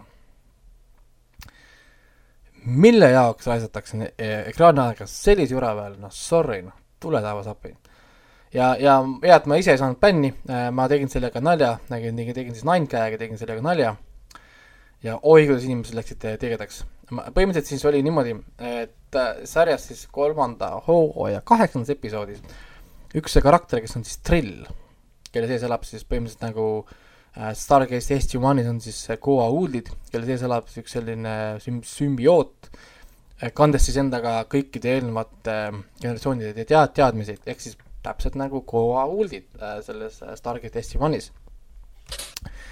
ja siis reaalselt siin on üks stseen, ma, ja ma ei mõtle seda välja, see on täiesti legit, kus kohas äh, kaks inimest räägivad siis sellest äh, naisest või tüdrukust ja ta ütlevad talle she. mm. -hmm. see läheb siis näost äh, ära, vajub ära ja hakkab siis pidama loengut, et ähm, I don't like mingi she, et mina ei ole ennast terve elu tundnud kunagi she või, või her, ma tahan, et sa hakkaksid mulle nüüd ütlema äh, him ja them. Mm -hmm. ja sorry, ülejäänud episood, kui räägiti see tema ole, ole nagu tema kõrval räägiti temast, mul oli, mis keel see on. Them, they, they, them, kellest, see, see, mis asi see on? mille jaoks see kõik nagu vajalik oli Mi,, miks seda jura siia tuua, mida ma tegin nagu mõnusa nalja tegin, omast arust oli see väga hea nali ja väga paljudele meeldis, paljudele ei meeldinud. ma tegin, ma tegin sellest screenshot'id siis sellest momendist, panin sinna Ninecagi panin siis pealkirjaks ka, et et vähemalt Star trackil on vabandus. Nemad on äh, Fantaasia tv show, mis on sinu vabandus? ja siis äh, inimesed olid Hmm. hmm., olid äh, triggered no hu- hu- huvitav küll, miks ju. ei, aga päriselt äh,, minust tuli see nii vale lüke, ma käisin erinevates Star tracki foor- foorumites ka inimesed on täpselt sama meelt, mis mina. kui kolmas, esimene hooaeg inimestele ei meeldinud, sest see oli liiga sotsiaalpoliitiline. Nad üritasid meid veenda, et, et Michaeli pro-, probleemid kosmoses, kus on tulnukad vasakule paremale üles-alla, on seotud sellega, et ta on äh, musta nahavärviga. reaalselt, nad proovisid seda meile nagu, noh, nagu väita kus nad, reaalselt ta räägib mingi tulnukatega, kellel on mingid lõpused ja ma ei tea, viisteist kätt on seal ja ta üritab väita, et, et teda diskrimineeritakse, et tal on must nahavärv, siis ma olin, oh my god. noh, nagu, mis asi see on, on ju. siis teine hooaeg oli nagu korras, ta korjas üles, kolmas hooaeg läks nii mõnusalt. ma juba oli, oli, olin juba valmis seda hindama siin üheksakümne punktiga, nii mõnusalt sujus, nad juba leidsid selle rütmi, kõik on paigas. Pumaki, mingi jura ja nüüd on kõik grupid ja asjad, inimesed riigi, riivu pommivad seda sarja, sari kukub äh, punktidest igalt poolt äh, ja kõik selle jaoks, et sa hakkad tirima sinna mingisugust sõnumit sinna, mida keegi ei taha näha. keegi ei taha näha neid ei mängudes ega filmides mitte midagi, see on täiesti nonsense. ja on, ma olen nii pettunud lihtsalt nagu täiesti, mul lihtsalt, minu jaoks see kukkus nagu mitte kolm punkti, see kukkus mingi ka täiesti põhimõtteliselt sinna nulli lähedale, sest sorry noh, kui sa tahad oma poliitilist platvormi, siis leia mingi muu koht selle jaoks. mina ei kavatse vaadata sinu poliitilist platvormi. ja, ja ongi kõik ja, ja on, foorumid on tigedad, inimesed olid tigedad, ma mõistan, ma olin ka, minu arust oli see suure töö lihtsalt äh, vee peale tõmbamine sellele. sest nagu sa tegid nii suurt tööd, sa leidsid oma rütmi, sa leidsid fännidega keele, on ju, ja, ja nüüd sa jagasid jälle ennast nagu ära, sa võtsid nagu poole, sa valid endale kuskile äärde, lükkasid ennast ja nüüd sa oledki seal. Ja kõik teised, kes on kuskil teisel pool või mujal, need ei taha sinuga enam mingit, mingit pistmist teha nii et jah, ma ei tea, see kõlab nagu süütuna umbes see sarjas nagu noh, nagu noh, nonsense, ma saan aru, et see on sci-fi sari, kõik on nagu fine, aga, aga, aga arvestades, et see on nagu Netflix, arvestades, mida nad proovisid teha esimene hooaeg, siis siin on rohkem juba kui, kui, kui see, siis ma räägin, minu, ma olin nii pettunud lihtsalt, ma olin, rikk-, rikk-, rikkus mu tuju kohe ära, et et jälle tõmmata ühel sarjal lihtsalt vesi peale, mille jaoks? ma ei tea, ma vaatan ikka lõpuni ära selles mõttes, et ma olen endiselt seda meelt, et see on hea, olnud hea hooaeg, aga lihtsalt nüüd on ta lihtsalt suure varjude, varjuga kaetud ja, ja noh, ongi. no äkki see olukord ei ole ikkagi nii hull, et lähevad vanaviisi veel tagasi. no jaa, aga nüüd on, see on üks põhikarakter, eks iga kord, kui see rak-, karakter on nüüd ekraani peal, kõik peavad tema ümber muutma oma kõneviisi. ehk siis üks karakter kontrollib, kuidas teised räägivad. hashtag fašism on seal nimi või? see on täiesti nonsense noh, ja, ja nii, nüüd üritad ja siis proovid sellest inglise keeles, saad, aru, kes on see kuradi tee, kelles nad räägivad. aa, okei okay,, see on ük, üks naine seal ekraani peal, what the fuck. et ei tea, ei see, see ei, ei, noh, ma ei tea, see, ta, ta ei ole isegi kontekstipõhine, seal polnud isegi seda vaja nagu teha. Nad oleks saanud, kusjuures mina mõtlesin, miks nad üldse nii niimoodi, niimoodi seda tegid. see on drill tal on, tema ajus, ta elavad, eelmised generatsiooni inimesed elavad seal ka. ta oleks võinud öelda lihtsalt, et ära ütle mulle she, sest ma ei ole ainult üks inimene enam. ütle mulle mm. hei, sest me oleme mitu inimest koos wow!. lahendatud. me saame tuua selle tee, selle tee sisse ta on tulnukas, kelle, kelle ajus elavad mitmete inimeste nagu mälestused või, või jaa, sest seesama, see trill, see, see sümbioot tema sees, see on mingi madu või uss, nagu see Koa Huuld on siis kõik inimesed, kellega ta eelnevalt on olnud, nende isiksused on seal sees, ta saab rääkida oma kõikide eelnevate inimestega koos, noh nagu. ja siis mm -hmm. kõikide eelnevate inimeste oskused ja mälestused tulevad temaga kaasa mm -hmm.. ehk siis minu arust oleks võinud ju täitsa vabalt mitte seda poliitilisena teha, vaid teha seda sci-fi võtmes nagu. et kuule, et noh, sa ütled mulle she, aga ma pole enam üks inimene, ära ütle mulle she ega he ega midagi, vaid ütle mulle, et hei, sest sa räägid mitte minuga, vaid sa räägid ka kõikide teistega, kes on minu sees. saad aru? või noh, nagu siis oleks nagu põhimõtteliselt nagu sama idee, aga raamitud nagu paremini, aga siin seda raamiti, et äh, mina, kuna mina ei tunne ka ühtemoodi, sina pead muutma, kuidas sina kõnes kasutad äh, sõnu ja asju, nagu see on see, et äh, what? Häh? saad aru? ehk siis minu arust oli väga halvasti lahendatud situatsioon ja üldse mittevajalik, sest äh, lõika see üldse välja, see osa sellest sarjast üldse nagu, ära üldse panegi seda sinna, lihtsalt lõika välja mm. see ja, ja kõik vaatavad, kõik kiidavad sind ja kõik on nagu fine ja siis kasuta seda kuulsust, mis sa sellest sarjast saad, et teha siis näitlejana oma mingit äh, või, või lavastajana või kes iganes sa oled, kasuta siis oma platvormi milleks iganes sa tahad, aga mitte ära tee seda sarjas endas või filmis endas või noh, nagu et ei tea äh,, kurb, kurb äh,, ra-, raisatud võimalus. nojah, eks, eks seriaali tegijate endi jaoks äh oli see katse siis äh,, kuidas nüüd kaasata, ütleme nii. aga see on umbes, umbes sama, et ma hiljuti lugesin, et äh, kuskil kritiseeriti Final Fantasy seitsme remake'i aa jaa, ma nägin ka seda topelt artiklit, et miks, miks pole siis remake'i pandud sisse ähm, LGBTQA nagu suhteid. et see oleks palju nagu kaasavam, et samad asjad olid ju olemas juba Dragon Age'is ja nii edasi. Aga mina vaatan kohe, et äh, no ja põhjenduseks oli toodud ka, et nagu iganenud, iganenud soorollid on siis Final Fantasy seitsme remake'is. et kuna Final Fantasy seitse remake'i esimene episood on nagu väljas ja teine episood on tulemas, siis võiksid ka nagu teha sinna kaasa, kaasata nagu erinevaid rolle sisse. aga minu argument on see, et nagu see on ju vana fil- äh, mängu remake. ehk siis see on vana Mit- story. see on vana story, et kui sa nüüd võtad selle ette, hakkad seda lihtsalt sellepärast muutma, et maailm on muutunud, algupärast lugu, see on umbes sama, et ma teen äh, ma ei tea, Citizen Kane'ist remake'i ja panen sisse kõik tänapäevased poliitilised süsteemid, kõik tänapäevased mõttemallid. et see on ju tegelikult, võtad ette vana asja ja see ei ole enam remake, see, see ei ole, noh, see, see on, see on nagu fännid hakkavad vihkama seda filmi, seda mängu, mis iganes. et selles mõttes, et mängi siis Assassin's Creed Valhallat, seal sa võid kõigiga magada nii palju, kui tahad, kõigiga suhtes olla nii palju, kui tahad. seal ei ole seda probleemi, see, aga sa ei saa seda nõuda kõigilt. samamoodi nagu sa ei saa seda nõuda kõigilt ulmeseriaalidelt, et kas me hakkame lihtsalt tagantjärgi võtame ette Stargate SG ühe ja hakkame seda tänapäevase siis prisma järgi kritiseerima, et näe, seal oli liiga vähe neid suhteid. aga see ei ole ju õige ju, või on või? no no sa ei saa võtta see. on mõttetu kritiseerida, sest kui sa tahad, et see oleks päris elu representation, siis kui me räägime siin mingi murdosa protsentidest, siis tõe, tõenäoliselt sa peakski nägema seda ainult murdosas äh, sarjades või episoodides, aga me näeme seda rohkem, kui see on päriselus, ehk siis nad on tegelikult over represented. kuskil No, oli mõnus jah., mõnus statistiline näitaja, et sarjade järgi jääb mulje nagu kolmkümmend protsenti maailmast oleks äh, LGBTQ. ma saan aru, noh nagu selline Mm. mulje, et ta oleks nagu igal pool, aga noh, üldiselt ma räägin, mind ei häirinud näiteks, kui ma rääkisin sellest Happy Seasons või, või isegi see Uncle Frank on ju, need on ka LGBTQ filmid, aga need on, need on, ma räägin, need on hästi tehtud, need on, need, need ei lähe üle nende piiride, nad ei hakka mingi loengut pidama vaatajale. vaata, sa vaata, rääkisid, rääkisid ju, vaata, kuidas see muutumine on, vaata seda Roosevelti remake'i. kuidas mm -hmm. originaalses Rooseveltis oli ju Michael koos Mariaga, pidi olema Isabelliga ja kõik oli fine, siis remake'is on Michael gei. Nad muutsidki ta orientatsiooni lihtsalt remake'is, selle, muutes ka sellega kogu story't, sest Michael oli abielus Maxi õega. ehk siis tema mm -hmm. oli pe-, peakindral oli, oli abielus kuninga õega.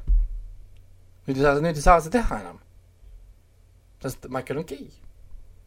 miks see vajalik oli, ma ei tea, siis klassikaline ja kõik vihkasid seda remake'i totaalselt, Roosevelti remake totaalne saast, cancel. nagu, ehk siis nagu noh, ma ei tea, ma, ma, ei, ma ei tea, miks nad niisuguseid asju teevad või, või äh, miks see nagu vajalik on. aa, siin oli isegi uudis Cyberpunk kaks tuhat seitsekümmend seitse kohta. et see on Polygoni oma, mingi Stacy kirjutas, ärge, ärge klikke, andke jumala eest, sest muidu seitse saab väike raha selle eest äh,. põhimõtteliselt eh, kirjus mängu selle üle, ma, ma ei mõtle seda välja, ma räägin, see on kaks tuhat kaks, kaks tuhat kakskümmend. kirjus mängu selle üle, et see mäng on unplayable. sellepärast, et tema ei saa luua meest naiste suguorganitega ja naise häälega.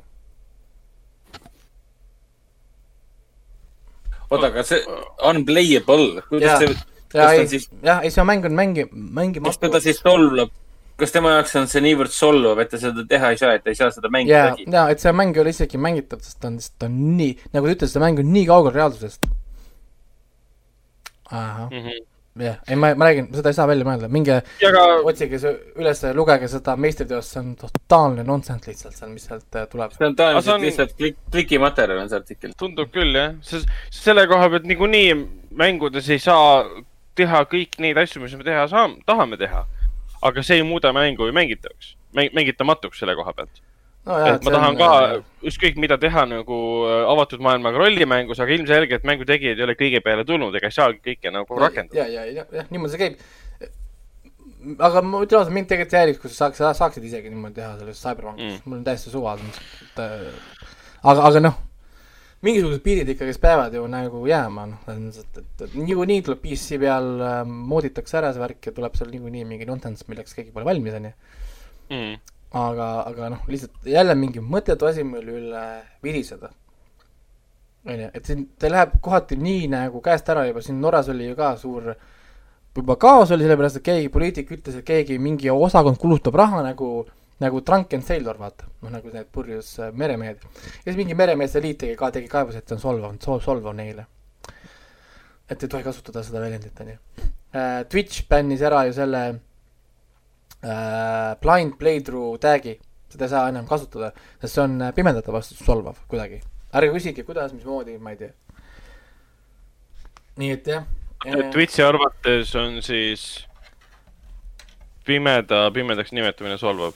ei, blind playthrough on ju see, kuidas sa mängid nii-öelda nagu mängu või asja, et sa pole kunagi, sa ei tea mängust mitte midagi, sa hakkad nagu mängima nagu aa, okei ma ei ole sellega nii kursis. ja sa võtad nagu mingi mängu, milles sa ei tea mitte midagi, sa pole kuulnud mitte midagi, lihtsalt blind, blind playthrough, sa hüppad mängu ilma teadmata mitte midagi, vaata. nimetatakse seda blind mm. -hmm. playthrough'ks, paljud streamerid teevad seda, oh, I don't know um,, I m doing a blind, blind playthrough for Cyberpunk twenty seven seven, mis on muidugi võimatu, sest noh, see on nii suur mäng, aga noh, näide. siis nüüd, nüüd ei tohi teha enam seda, sest see on solvav ja sinu Twitch'i konto võib, võib saada bännitud. noh, jah. Welcome to twenty twenty, ladies and gentlemen. tead nagu, aga peale ma kostaks lihtsalt, et nagu mida, vahe, tõmmake, whatever nagu selle peale lihtsalt. selle kohta võib öelda, selle peale ei ole võim-, selle peale ei ole mõtet isegi mõelda ega ajurake enam. see on täiesti mõttetu, see on lihtsalt nagu tühja peksmine. nojah, aga see ongi, ma räägin, ma räägin, et see oleks nii kaua mõttetu, kuni tal ei oleks seda real world application, antud juhul sellel on. Ehk see on relv, mida saab kasutada, sa saad ju mõelda välja probleemi ja suruda seda hash, hashtag idega peale. ehk siis see on relv, mida kasutada, ehk siis see on pro-, probleem. nii et ja, ja see jõuab meieni ka, sest äh, lääne, lääne kultuuri mõju on Eestile ju väga suur, inimesed kopeerivad siin, noored ju pidevalt tahavad siin kõike can- can- canceldada vasakule ja paremale, nii et äh, see jõuab, jõuab siia ka ühel või teisel viisil aga noh, hetkel me saame nautida kvaliteetfilme, kvaliteetfilmid ei kao kuskile, kvaliteetsarjad ei kao kuskile äh,. Queen's Gambit on hea näide, et seda prooviti siin cancel, cancel, cancel dada, sest äh, mis seal oli see põhjus, whatever äh,. aga, aga kedagi ei koti, nii et kui on ikka kvaliteetne asi, siis äh, on see kvaliteetne igal juhul. jah, aga selle, selle noodi pealt on hea, hea edasi liikuda Hendriku juurde. Et me oleme Hendrikuga koos siin vaadanud Mandalooriani endiselt edasi. Mandaloorian on endiselt suurepärane. kuigi Nii, see kaks osa on viimane, jäänud. kaks osa veel, okei okay., siis ma saan varsti hakata pingima või sorry, ahel Mm, vaatama, ahel vaatama on uus sõna isegi. ahel äh,, ahel vaatamine jah, ehk siis kaks, kaks reedet on jäänud. ongi Ütle- siis kaheksateistkümnendast detsembriks on teine hooaeg läbi. jah, ja see oli nüüd mitmes kuues osa ju. kuues osa jah. jah, kuus osa võttis aega, et midagi juhtuks. selles mõttes, et viis episoodi oli lihtsalt nagu Mando lihtsalt sidequest'is ringi ja ma mõtlesin, et kuule, mine, millal sa main quest'i tegema hakkad. ma ei ole Äh, nii äh,, ma ei ole nii kriitiline see ei nagu ole- sobis. see ei ole kriitika, see on tähelepanek, see on puhas tähelepanek Wow. ma ei kritiseeri kuule, ära, ära nüüd trigerda seal, ära, ära päästikuta seal nüüd. aga nüüd äh, kuuendas osas oli see, et jah, et tüüp lihtsalt kogemata, mitte kogemata, vaid äh, võttis lihtsalt äh, main quest'i ette ja läks sellega edasi. Ja see toob päris huvitavad, huvitavad tagajärjed, et äh, väga hea episood. ja ütleme niimoodi, et äh, üha enam äh, surut-, mitte ei suruta sisse, vaid äh, sujuvalt tuuakse sisse seda mm, Star Warsi ajalugu, Star Warsi loori, Star Warsi tegelasi äh, ütleme kaugest minevikust või, või lähiminevikust äh,. võib-olla mõned unustatud tegelased tuuakse sisse, et kui enne tundus, et ta on täiesti nagu eraldiseisev äh, muus nagu Star Warsi maailma nurgas aset leidev lugu, siis üha enam tulevad sisse nagu teemad ja, ja siuksed äh, äh, niidid äh,, lugude niidid, mis äh, seostuvad kaudselt või siis otsesemalt äh, väga konkreetsete sündmustega, millega me kõik kursis oleme et äh, mulle see loodustamise viis teises hooajas meeldib, meeldib ta mulle peamiselt sellepärast, et ta on esimesest hooajast niivõrd erinev. et ta ei korda ennast, ta teeb asju teistmoodi ja see on iga seriaali nagu võlu, kui sa saad iga seriaali hooaja kohta öelda, et aa, see oli see hooaeg, mis tegi seda, teine hooaeg tegi seda, mitte niimoodi, et sul on kuus, kuus hooaega ära, mõtled, et mul pole õrna aimugi, mis seal toimus, et isegi Losti hooaega saab niimoodi kokku võtta, et sa esimeses osas oli see, lõppes sellega, mingi hatch ja teises osas oli mingi saar kadus ära ja kolmandas oli see. ja siin samamoodi, et on nagu good story iga, igas võimalikus võtmes. jah, nõus, täiesti okay. nauditav, fantastiline, ma ei taha sellest eriti rääkida, sest Raiko pole ju vaadanud mm. -hmm. aga liigume siis edasi, Hendrik, mis sa veel oled vaadanud äh,? Ari Elder, Eldrani, Eldjarni vaatasin ka äh,, siis vaatasin lõpuks äh, Telia Fox Now kaudu, vaatasin siis lõpuni selle valgusaastate vastandid ehk siis äh, Solar Opposites ehk siis ühe Rick and Morty looja Justin Roilandi uus seriaal Hulus. Ma ei tea, ma isegi ütleksin, et äh, peaaegu, rõhutatult peaaegu sama tase, mis äh, Rick and Morty. et noh, Rick and Morty on muidugi superioorne ehk siis superior ehk siis äh, kõrgemal tasemel. aga, aga. ta ei ole nüüd nii ropp. no ropp ropuks, aga, aga Tolo Roposais võtab nagu asju lihtsamalt nii-öelda mm., aga ta läheb aina absurdsemaks, see absurdsuse tasand läheb tegelikult aina kõrgemale äh,, samal tasemele peaaegu, absoluutsuse tasand siis, mis Rick and Morty. eriti selle äh,, eriti selle esimese hooaja eelviimane episood, kaheksa oli vist kokku ja siis seitsmes episood oli täiesti raju. et seal, seal on üks teema kogu hooaja vältel, kuidas üks nendest tulnuklastest äh, ta kahandab pisikestest, pisikestest, pisikesteks inimesteks äh,. inimesi, kes talle ei meeldi ma ei tea, keegi vaatab teda veidralt, siis ta võtab oma selle kahandamisrelva välja ja laseb hästi pisikeseks. ja siis tema ja tema õe toas eh, on siis seina sisse ehitatud tohutu suur nagu mingisugune äh, mängumaailm nii-öelda, mängunukkude maailm nii-öelda. ja need kõik inimesed on sinna luku taha pandud ja neil on jumala savi neist, jumala pohhi nendest, lihtsalt jäetakse sinna ja ei vaadatagi sinnapoole. ja siis seitsmes osa, nii palju võin spoilerdada, keskendubki sellele, kuidas need inimesed seal elavad ja see on, sellele on antud väga lahe niisugune sõrmuste isandalik spinn ka veel juurde. et neil on seal suured teod ja suured ohverdused ja suur tahe ja motivatsioon maailma muuta ja nii edasi. ja siis kõige naljakam oli see, et seitsmenda osa mm, kirjeldus on siis see, kuidas, ma ei tea, meie tulnud perekond läheb, tegeleb mingi karu teemaga, et lähevad, ostavad karu või kaklevad karuga, mis iganes. aga seda teemat selles episoodis ei olnudki. me nägime seda ainult selle äh, minimaailma, läbi minimaailma akende, samal ajal kui meie miniinimesed tegelesid väga suurte eluliste, tähtsate, maailma muutvate, põrutavate probleemidega, siis me nende muu tegevuse taustal nägime, kuidas samal ajal see üks meie tunnukatest kakleb seal karuga. et see story oli seal kuskil taustal ja seda me tõenäoliselt ei näegi mitte kunagi, aga noh, pole tähtis ka. et ma olen nagu selle Solar Oppositesiga väga rahul, et kõik episoodid on praegu Telia Fox näost täitsa olemas et ma ei tea, mis see Fox Now loogika on, ma pidin hästi kiiresti need ära vaatama nii-öelda, kuna mul endal Hulut ei ole. sest Foxiga on ju see mingi täiesti noh, vaimust vaevatud probleem. et HBO-s sa saad ju kõike vaadata. sul on hiljuti lisatud siia seriaal, sul on kõik episoodid olemas, tore, lähen vaatan. nii, lähed Telia TV-sse Fox Now'sse, vaatad, et ahah, hiljuti lisatud. oi, mis sarjad siin kõik on näiteks äh, võtas siin selleks, oi, näed, Leegion on siin olemas, see Marveli, oli vist Marveli jah, Marveli seriaal. Leegion, okei okay,, võiks ju vaadata. mida ma siis vaataksin ah,? et ainult teine hooaeg on olemas või? aga kui see esimene hooaeg on? Nad teevad seda kogu aeg, et mingi hetkel see episoodid või hooajad aeguvad. samamoodi on selle kuradi äh, What do we do in the shadows'i seriaaliga Telia, noh, Fox Now's üldse siin tele, internetis nii-öelda, ma ei saa seda vaadata sellepärast et siin on esimese hooaja mingid viimased osad, mis ma nendest vaatan. et äh, põhimõtteliselt ma hetkel Telia tv veebi kaudu vaatan ainult HBO-d. et see oli väga suur erand, et ma selle Solar Opposites ette võtsin selles mõttes see on kõik väga selge ja põhjendatud, sest Fox äh, näo töötab äh, Foxi kanali põhjal. ehk no, siis jah, need episoodid, mis tulevad Foxi, tulevad siis Fox näosse. ehk siis nad saavadki sinna panna ainult need episoodid, tihtipeale ongi see, et ma tahaks mõnda seriaali vaadata, seal on ainult kolmanda hooaja viies ja kuues episood, siis ma kontrollin, et Foxi kanalis just oligi viies episood ja kuues episood. ehk siis on ju ainult need, et see, ta ei tööta jah, ta ei, Telia HBO põhimõttel ta ei tööta, et sa võtad ette ja vaatad ükskõik millal, ükskõik, ükskõik kus kohas siis seda hooaega näiteks, et seda lihtsalt ei ole seal. nojah, no siis on kohe ju probleem, et noh. siis jääb vaatajast ilma ja on kõik uh,. siis ma võtsin ette selle Keili Guaco, Guaco, Keili, Keili Guaco, see, kes Big Bang teooriaga populaarseks sai. Penny siis, tema uus seriaal tuli teli või noh, HBO Maxi ehk siis teli Mm, ja jah. HBO-sse tuli ka ehk siis see lennusaatja, The Flight Attendant. vaatasin ära esimese osa, piloodi siis. ja jäin väga rahule.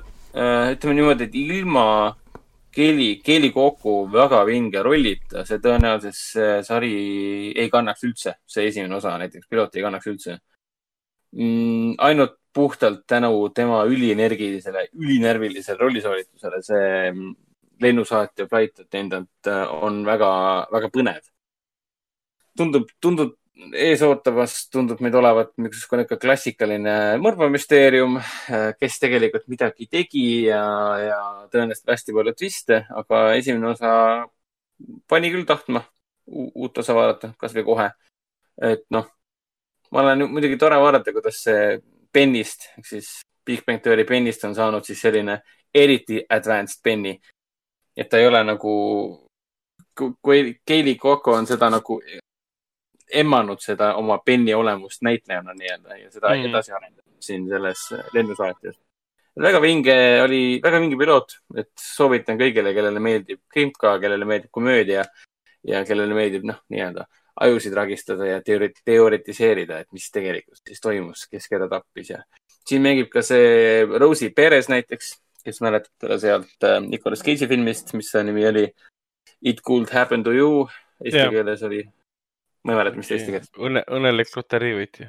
õnnelik juhus või mis iganes see oli ja siin mängib ka siis äh, troonide mängu äh,, mis on Mi,, Michelle Huisman või Mi,, Michelle Huisman. aa ah, jaa, Dario Naharis. Dario Naharis ja muidugi ka selle mm, esimese äh, Haunting of Hill House'i, noh, esimese, Haunting of Hill House'i üks peategelastest ka. Mm. Äh, seda kindlasti soovitan vaadata, Telia HBO-s täiesti olemas praegu. Fox näost vaatasin ka seda Hellstromi, mis äh, samuti on vist esimesed kolm episoodi on saadaval seal äkki. Hellstrom on siis samamoodi, põhineb äh, Marveli koomiksite äh, samanimelistel äh, tegelastel. et seal on mingisugune, tuleb välja, et on olemas mingisugune Hellstromi nimelised, nimeline perekond, ema, isa äh, ja siis tütar ja poeg. vähemalt sarja, sarja jutu põhjal on isa on mingisugune kurikuulus sarimuusikas ja ema on teemalites vaevatud ja istub vaimuhaiglas. Ja poeg ja tütar siis äh, tegelevad äh, nii-öelda kurjade inimeste hävitamisega. tütar tegeleb siis kurjade inimeste hävitamisega ja poeg tegeleb siis äh, nende eksotsismiga põhimõtteliselt äh,. noh, ja ma saan aru, et lugesin veits koomiksite tausta ka, et tegelikult on vist point seisneb selles, et see poeg on tegelikult nagu saatana poeg ja, ja, ja isa on tegelikult üks saatana mingisugustest reinkarnatsioonidest see tundub mulle spoiler spoiler praegu. no see on põhimõtteliselt esimene asi, mis sa loed Damon, Damon selle Headstormi kohta Vikipeediast, et noh. no ja kui Ähm. sa, kui sa seda sarja vaatad, kas sa siis tead seda või? aa, ei. aga ma sain aru, vähemalt lugesin mingi lühiarvustusi, ma saan aru, et see sari on nagu öö ja päev jälle, et eh, fännid on kuskil olemas nendel Hellstromi tegelastel. ma ei tea, kas need Hellstromi tegelased Marveli koomiksites on nagu väga nišš, keegi üldse teab ka neid või alles nüüd saavad. aga kusjuures rääkides, rääkides Marveli koomiksist, vaata see Luciferi sari, mis on äh, Netflixis on Jaa. ma sain nüüd teada alles mingi eelmine nädal, et Luciferi tähendus on äh, hommikutäht. Morning Star. Lucifer, sõna Lucifer tähendabki Morningstari või? jaa, ehk siis see nimi, mis tal on, seal on Lucifer Morning Star ehk siis Lucifer, Lucifer on ta nimi põhimõtteliselt. ma lihtsalt nagu, või siis Morningstar, Morningstar. jah, jah. oota, palju ta, ma ei teadnudki. ma ka ei teadnud seda, ma alles nüüd hiljuti sain teada. väikene, väikene, äh, väikene hashtag faktinurk. Et vana inglise, vana inglise keeles eh, otse ladina keelest tõlgituna on jah, et valguse tooja morning star on Luciferi meaning. From lux look ehk siis uh, light ja fer Nojah, on bearing, bearing. Son of the Valguse morning nojah, Prometheus põhimõtteliselt. eks, eks Luciferi nimi on Lucifer, Lucifer, nice. Äh, aga selle Hellstromi sarjaga on see miinus, et ma kindlasti vaatan teise osa ära, aga esimene osa lihtsalt ei olnud huvitav. Need näitlejad on muidugi kihvtid ja, ja siin on ägedaid stseene, aga ma ei tea, see kõik hakkas mulle meenutama seda Matt Ryan'i äh, Konstantini seriaali, mis sai ainult ühe hooaja. siis ta meenutas mulle Keanu Reavesi Konstantini filmi veidikene. siis ta tuletas vist natuke isegi meelde seda Robert Kirkmani see Outcasti seriaal, mis eh, vähemalt millel on esimene hooaeg saadaval ka Fox Now's, kus samuti oli mingi eksotsismi teema. et kuidagi hästi palju tuttavaid elemente täis oli see esimene osa. hästi sünge, püüdis olla hästi sünge, palju vihma ja siukene eksotsismi teemat ja ja tegelased on enda arvates hästi cool'id ja hästi isepäised ja siis tuleb üks noor nunn ja kuule, ei tohi niimoodi nendega rääkida, ma võin küll, ma olen, tean asju ja nii edasi, et noh, ma ei tea, kuidagi sihuke tunne, et nagu ma olen näinud neid isepäiseid ülbeid tegelasi, kes on tegelikult hästi charmantsed ja toredad peategelased ja puha.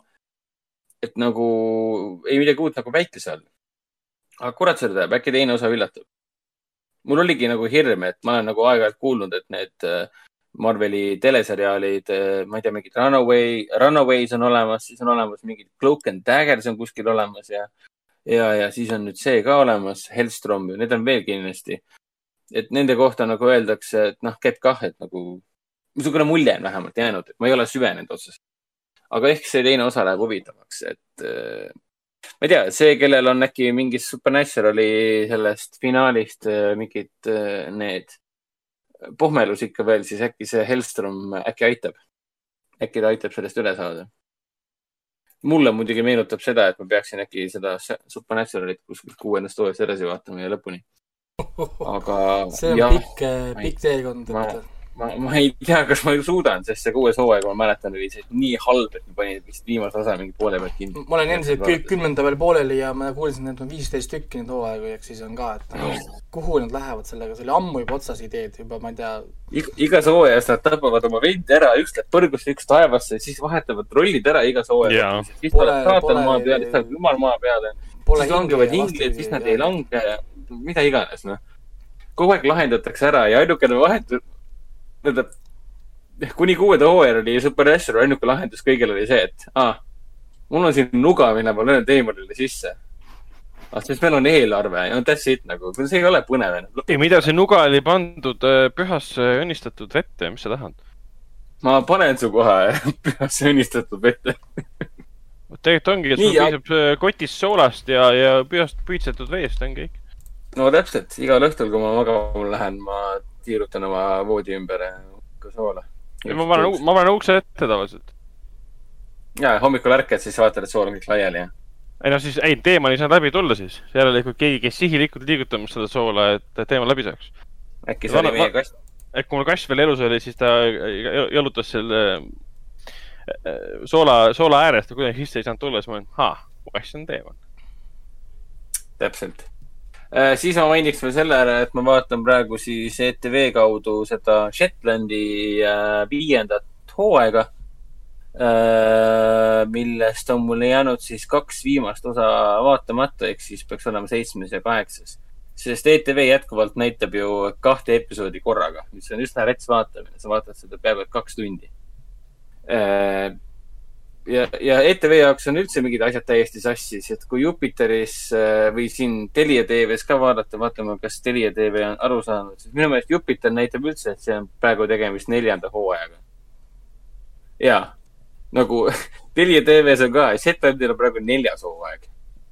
aga see ei vasta lihtsalt tõele, sest äh, iga episood on selles sarjas tegelikult viiskümmend neli minutit pikk ja igas hooajas on vähemalt neljandas-viiendas on ju ikkagi mingi, ma ei tea, kuus kuni kaheksa episoodi.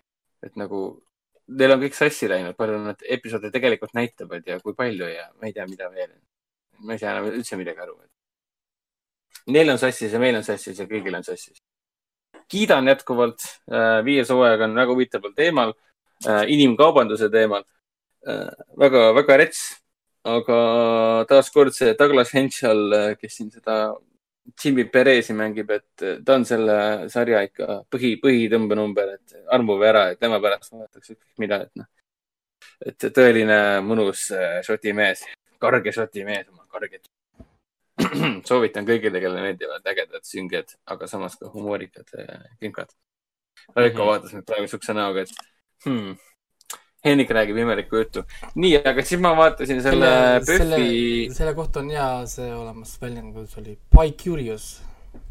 Pie, ma olen väga pie curious mm..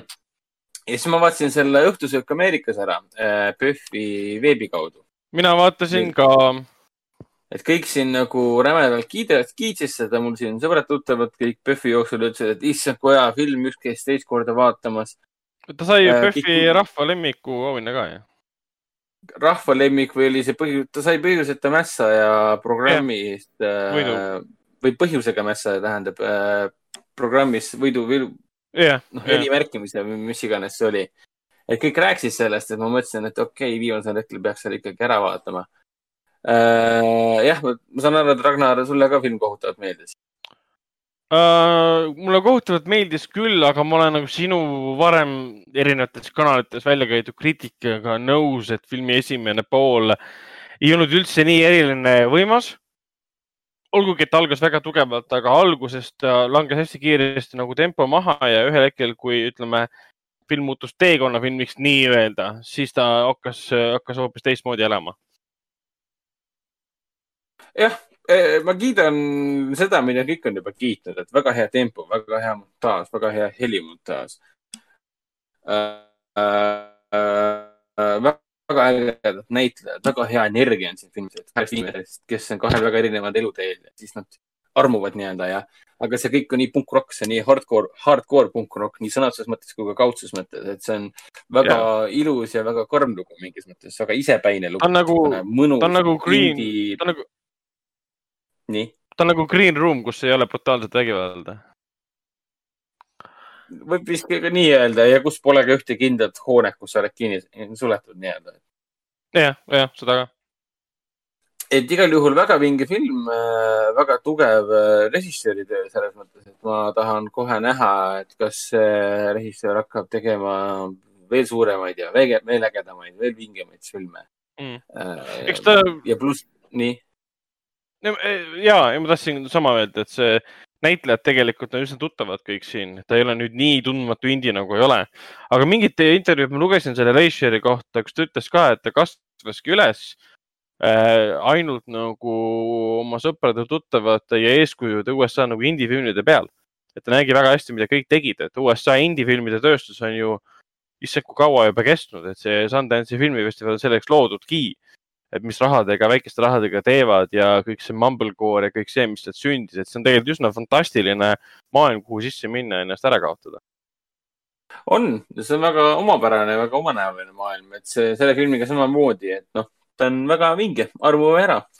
aga minu kriitika on vist põhiliselt see, et ma olen, ma olen nagu näinud äh, väga mitmeid aastaid tagasi täpselt selliseid filme. Et see film mind otseselt oma, oma punkrockiliku äh, noorte indie komöödiadraamana äh, väga otseselt ei suutnud mind üllatada. olgu, et mul sõbrad-tuttavad rääkisid, et issand jumal, et see on tõesti selline tõeline erutav filmikogemus.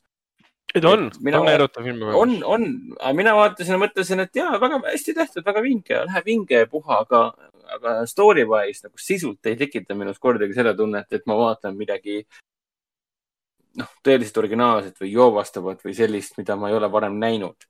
mm.. pigem vä- väga, ma tundsin siin ära väga palju tuttavlikku, tuttavlikke elemente, mida ma olen nagu meelde kümme aastat tagasi vaatasin eh, usinalt eh, USA indie-filme ja kohutavalt armastasin neid. ma lihtsalt tundsin ennast nagu noorena jälle nii-öelda, võib vist öelda seda vaadates. nostalgiline laks isegi või? et kiidan, väga vinge film ja loodan, et see režissöör Adam äh, Reermeier äh, teeb veel suure kõrge tuleviku edaspidises et noh, filmikarjääris. mulle meeldivad need võrdlused, kus tuuakse välja, et see film nagu meenutab ähm, tempo koha pealt natukene siin Whiplashi, et tegelikult tal on väga huvitav tempo ja suur osa see tempo äh,, miks ta on hea, tulebki filmi nagu montaažist. kasvõi esimesest kaadrist alates, see esimene tseen, mis seal on, toimub, see, see ei ole nagu üheski teises filmis pärit selle koha pealt, et äh, sa ei oota seda romantiliselt komöödialt või sellelaadset filmit üldse, millega see film algab ja millega su peategelane tegeleb. ja ta tempo on niivõrd äge, eriti kuidas esimesed viisteist minutit on lihtsalt need loo sisse pandud äh, algustiitreid. ja see algustiitrid, ütleme, kuidas visuaalselt välja näevad, kuidas sul on muusika taustale ja mis, mis see muusika tegelikult juba selle ühe peategelase jaoks tähendab, kuidas ta kõnnib mööda tänavat ringi, kogu aeg see punkrock käib taustal. et see, selle filmi nagu see attitude on väga-väga võimas ja see on suures osas päästab selle filmi, ütleme, ütleme loo võib-olla mit-, jah, päästab loo nagu sellest, et see lugu ei ole nüüd niivõrd kihiline. ta on ikkagi väga klassikaline, kaks inimest saavad kokku, nad on väga erinevad, aga ühel hetkel ikkagi nad saavad aru, et nende erinevused rikastavad neid üksteist ja neil on hästi palju ühist ka. Aga see üks muusika koht, mis selles filmis on lihtsalt fantastiline, mul võttis ka peaaegu et pisara silma, et see on yeah, väga äge see, lugu, see, see laul, mida see tüdruk esitab ja see, kuidas see, mis kontekstis seda esitatakse, see oli tõesti nagu võimas. et, et Raiko nägi ka selle filmi ära või? see Dinner, Dinner in America või? jah, ei vaadanud. aga sul on sul on veel võimalus äh, veel täna seda vaadata enne kell kakskümmend kolm viiskümmend ja, ja üheksa. siis ta viskab jälle kinni või yeah.? Äh, et ta viskab kinni. mul küll ei ei- probleemi, ühtegi probleemi ei olnud. ma saan aru, see on see publiku lemmikfilm on ju, see Dinner in America siis ju. jah, jah, aga ta on täiesti nagu USA, USA film tõesti, see on nii mitmed äh, tuntud äh, näitlejad selle koha peal, kes on teinud mitmetes indie-filmides kaasa. kas ta muidu Ja- tuleb ja... sinna ka või mingisugusesse, mingisugusele plat-, platvormile või? ei ole teada, täiesti vaikus, ma uurisin ka mingit Redditist ja tausta sest selle see filmi kohta fossiil, just tuli välja ju, fossiil tuli Hulu's vist välja või, või? Vist oli jah, aga minu, minu teada Dinner Americat pole ära ostetud, et kui ta nüüd ära ostetakse, siis võib-olla tänu sellele, et ta PÖFFil sai auhindu. sama, sama, see tuleb kohe välja ju, see The Father tuleb ju kaheksateist nüüd välja, ka Hulu's vist oli või? Äh, jaa.. oli vist jah. vist, ma, ma ei tea, aga Father tuleb kinodesse ka. ja ta oli kaheksateist vist, detsember oli vist Ameerikas vist läks Hu- Hulusse või kuskile, mingi no ühesõnaga, vot, et päris, päris palju. aga kui kuskilt, kuskilt info tuleb, et mis saab Dinner in Americas, siis me kindlasti anname siin saates sellest ka teada, et tõesti filmi armastajale kohustuslik vaatamine, sest siin on kõik need elemendid olemas, mis teevad nagu heast filmist hea filmi, ütleme nii. minu, eri, eri, mind, mind huvitaks, kas ta tuleb, sest ma tahaks vaadata seda 4K-s. ja, ja, ja, aga siinkohal eriti ma tahaks enne viimane asi, mis ma mainin selle filmi kohta võib-olla kiita mitte ainult seda meespeategelast, vaid seda naist peategelast. sest lihtsalt ta mängib seda rolli niivõrd võrratult ja niivõrd teistsuguselt. ta on ühelt poolt nagu mingi manic pixie girl, mida me oleme sellistes USA indides, USA indie-filmides näinud. samal ajal ta ei ole ka ta, see arengu, mis, mis ta nagu filmi jooksul läbib, see on lausa hämmastav, et siin on klassikaline, siin on niisugune kiusamine koolis, aga see kiusamine koolis on ka täiesti üle võimendatud, peaaegu et nagu parodeerival äh, tasandile jõudev kiusamine, see, see, see ei ole nagu reaalne, sa saad aru, et see on, see on üle võimendatud kiusamine, aga see mõjub siiski sama vastikult. Ja siis, siis kuidas see veider väike, väike nagu naine või siis no kahekümne aastane satub siis selle inimesega kokku, et tema veidrused ei kao ära, aga siis see inimene, siis see teine peategelane mees, karakter, punkrokkar hakkab siis neid veidrusi hoopis teise pilguga nägema, et võib-olla filmi suurim võlu siiski on selle naistegelase arengus ja selles, missugune ta on, ütleme nii. kandev jõud. Ja muidugi montaaž ka vot, aga liigume edasi, liigume edasi, ma mainin nii palju, et enne kui me liigume edasi kinofilmide juurde, et ma vaatasin äh, Netflixist juba neljandat korda sellist ulme mm, õudusaktsionit äh, nagu Spectral äh,, mis jõudis Netflixi, millal ta jõudis, kaks tuhat kuusteist. kaks tuhat kuusteist pidi ta ka tulema siis äh, Universali poolt kinno, aga siis Jah. Universal tõmbas ta kalendrist maha ja müüs siis, müüs siis Netflixile maha ja Spectre on, no ma saan aru, miks ta võib-olla maha müüs, sest ta nagu ühelt poolt tundub nagu mingi otse DVD või otse nagu vana, vana nimetusega film või otse vogedastusfilm. mina oleks tahtnud seda küll kinos näha ja miks ma teda neljandat korda juba vaatan, on sellepärast, et see film on niivõrd huvitav. ta on niivõrd klassikaline, et kui sa ta tööle paned, seal on kohe see müstika nii osavalt ette esitletud, et sa jäädki teda vaatama. ja miks ma teen neljandat korda, sama hästi võiks öelda, et ma ju tean kõike, mis seal toimub. see, see film ei ole nüüd nii särav kriit, et, et see jääb unikaalsuse sisu poolest sulle alati meelde. kus mingi kaks aastat oli mul möödas, ma hakkasin uuesti vaatama, mul üldse polnud meeles nagu, milles see point seal seisnes. kas see Spectre oli eesti keeles see Astraal või? ei, ei, Ei, ei, see oli see Insidious. oli Insidious, jah mis. see, mis eesti see- keeles oli see Spectral siis? Spectral oli- ei saanudki eesti tal ei olegi eestikeelset vastet. ta läks kinokavadest lihtsalt maha. jah, ta kinos ei olnudki. Kuigi siin on mitmed nagu tuntud näitlejad nagu James Badge Dale, keda me teame siin Pacificust ja, ja Robert Zemeckis The Flightist ja ma ei tea, Iron Man kolmes mängis sealt ühte mõtet rolli. et Badge Dale on ise fantastiline karakter näitleja. noh, Bruce Greenwood on siuke go-to vanakooli tegija, kes saab palka selliste filmide jaoks. aga see film on nagu tehnoloogilises mõttes lahe, eriti võimas on ta visuaalsete efektide poolest, et üldse on arusaamatu, et nagu, mis rahadega ta tehti. eelarve oli seitsekümmend miljonit. Legendary Pictures maksis selle 70? kinni oota, see on Legendary Picturesi levituses oli või? ja, ja nad ilmselt müüsid mingi saja miljoniga siis äh, või seitsmekümnega siis Netflixile maha. ja see seitsekümmend miljonit on igas kaadris näha, kuidas filmi look välja näeb, kuidas filmi efektid on tehtud, kuidas slow motion'it on kasutatud õigel hetkedel ja kuna seal on selline üleloomulik näiliselt, okei okay,, ma ütlen üleloomulik vastane peategelastel, siis näevad ka eriti ägedad välja, et siin on kõvasti vaeva nähtud, et see film näeks fantastiline välja. Äh, ma ei ole seda filmi- ma väga pole seda filmi näinud. soovitan, soovitan ette võtta, et ta ei ole kindlasti mingisugune eriti unikaalse ideega, aga ta on piisavalt unikaalne ja huvitav. ja mõnes mõttes ka ebahuvitav või selline või mitte originaalne, et sa unustad ta nagu ära, mina unustasin kahe aasta möödudes ära, milles see point oli, et ma pidingi uuesti vaatama, aga ta on piisavalt huvitav, et ta tegi, see müstika on stsenaristiliselt väga hästi kirjutatud.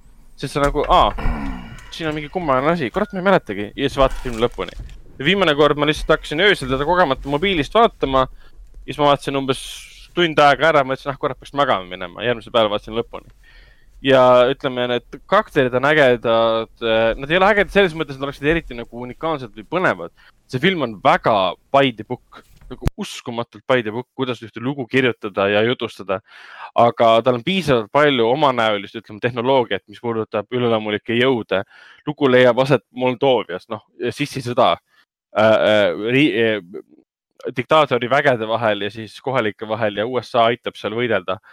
kõik siuksed asjad ja pluss sul on selline element sisse pandud ka, et sulle kut- kutsutakse teadlane appi mingit üleloomulik, üleloomulikku olukorda Aga- lahendama ja teadlane läheneb sellele teaduslikult.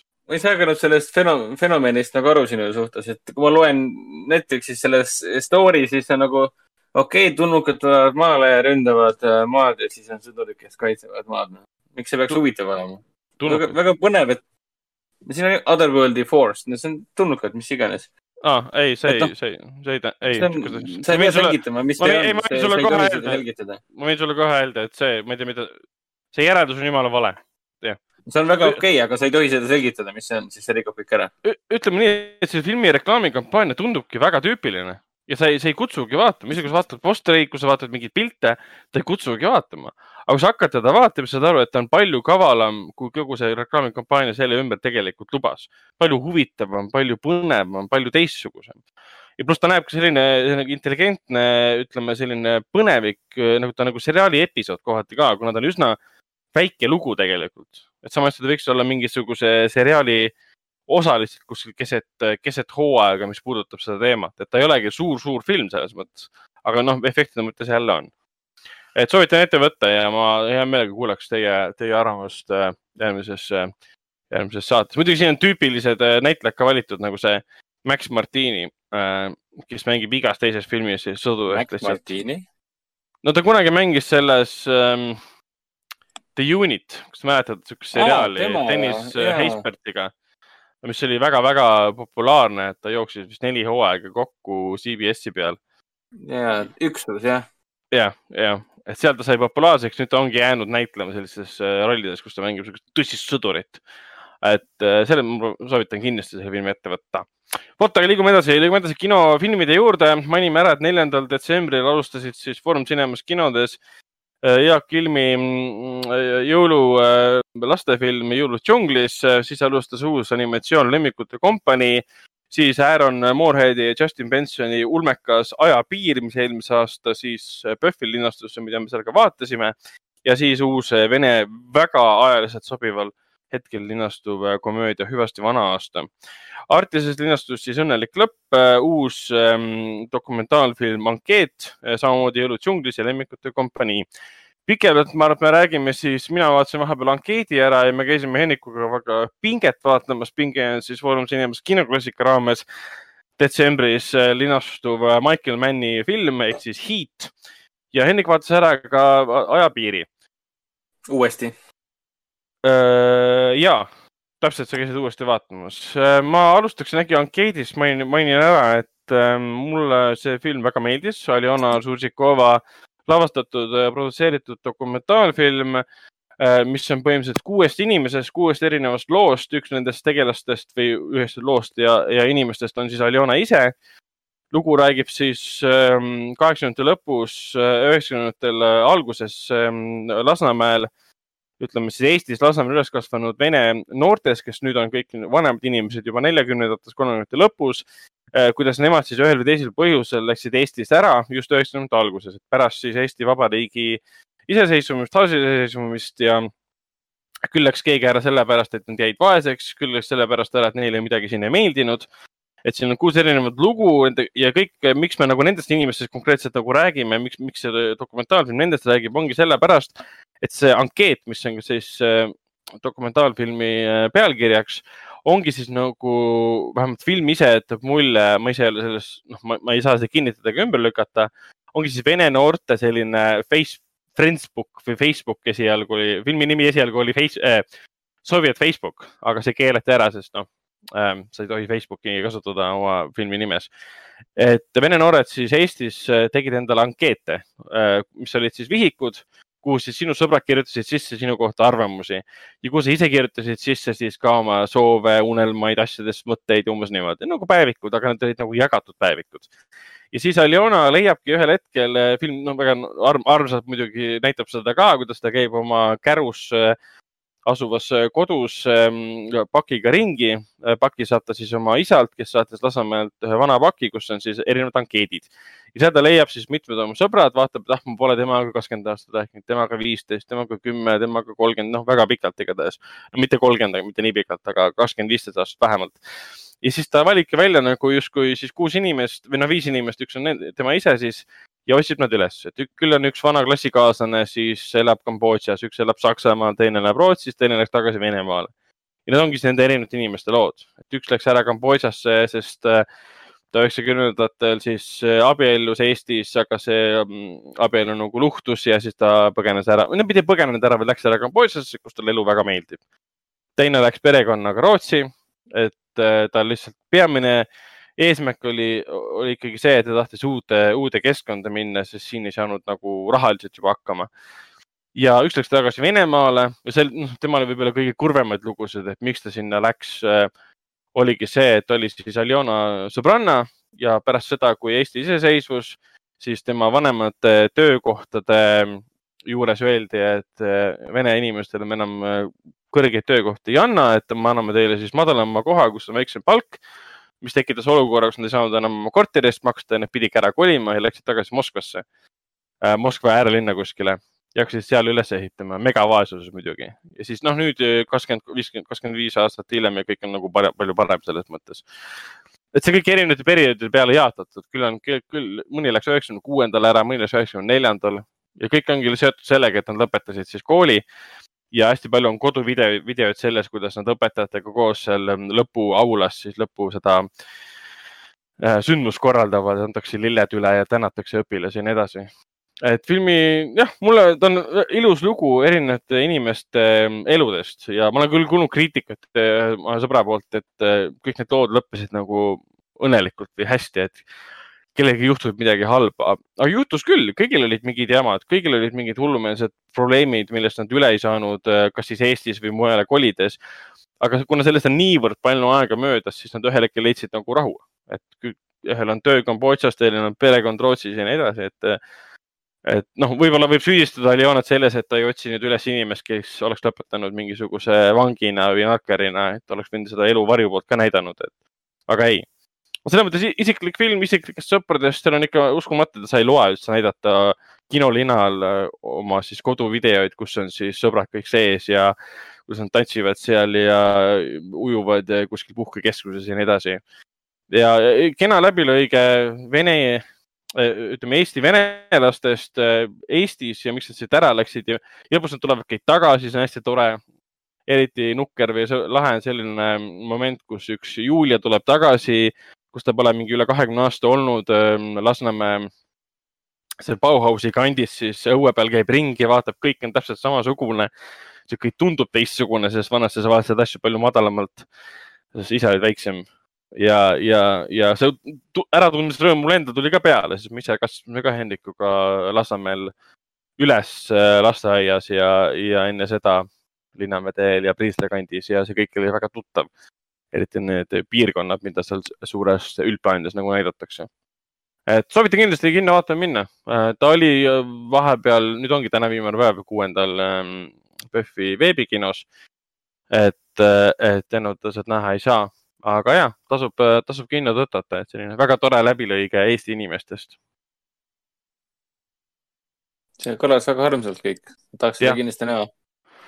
jah, aga räägi, räägi sünkroonikust, eks ajapiirist. me oleme, me oleme sellest eelmisest, eelmisel aastal umbes samal ajal me rääkisime sellest filmist küll juba. aga sa võid korra üle, üle, üle, üle mainida et kas jah, see on muutunud vahepeal? põhiline, põhiline info praegu see, kas see film on hea või ei ole, siis ma tahan seda ise vaadata, küsimus on, kas tasub aega investeerida või mitte. mina vaatasin seda teist korda Äh, selle, puhtalt sellepärast, et ma tahtsin meelde tuletada, kas ta oli ikka nii hea ja, ja filmi keskel mingi, jah, jätkuvalt väga hea film. Vaatasin filmi lõpuni, kurat, aina paremaks läks.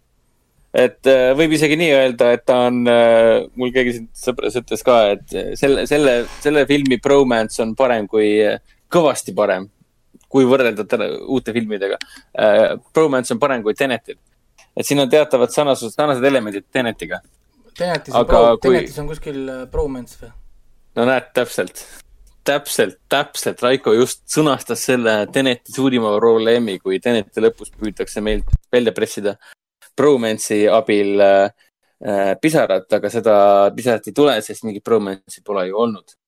noh, quite literally, sest see alles tuleb äh, aga, aga selles äh, sünkroonikus on see bromance äh, väga tähtsal kohal. Jamie Dornan ja see Anthony Mackie ja seesamune ähm, režissööri tandem Aaron Moorhead ja Justin Benson, kes on siin Eestit väisanud kõik, kõikide oma kuradi filmidega.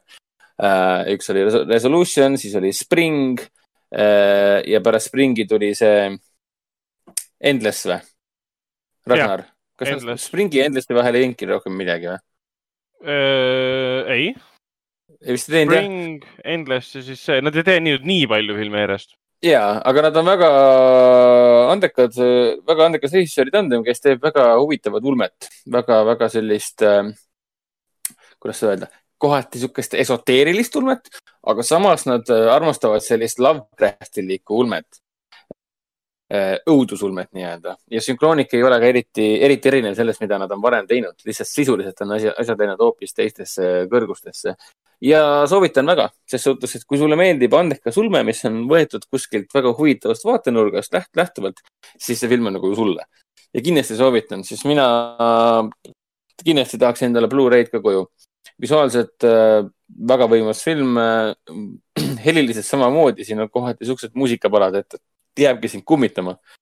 Soundtrack on umbes selline, et isegi mõnel rahulikul kohal lihtsalt hakkab see soundtrack sisse peksma mitte nagu häirivalt sisse peksma, vaid kohe tunned, et oi, kas nüüd läheb väga, väga kurjakuulutavaks või. siis kuidagi niisugune armas ir irve tuleb sulle näole, sina kui ulmekate ja õudukate fänn, siis vaatad, et oi-oi, kuule, need režissöörid on valmis pannud mind juba järgmiseks mõnusaks eh, tunniks pooleteiseks põhimõtteliselt. väga kihvt film eh, kahest sellest parameedikust, kes, kes satuvad siis ühe täiesti uue,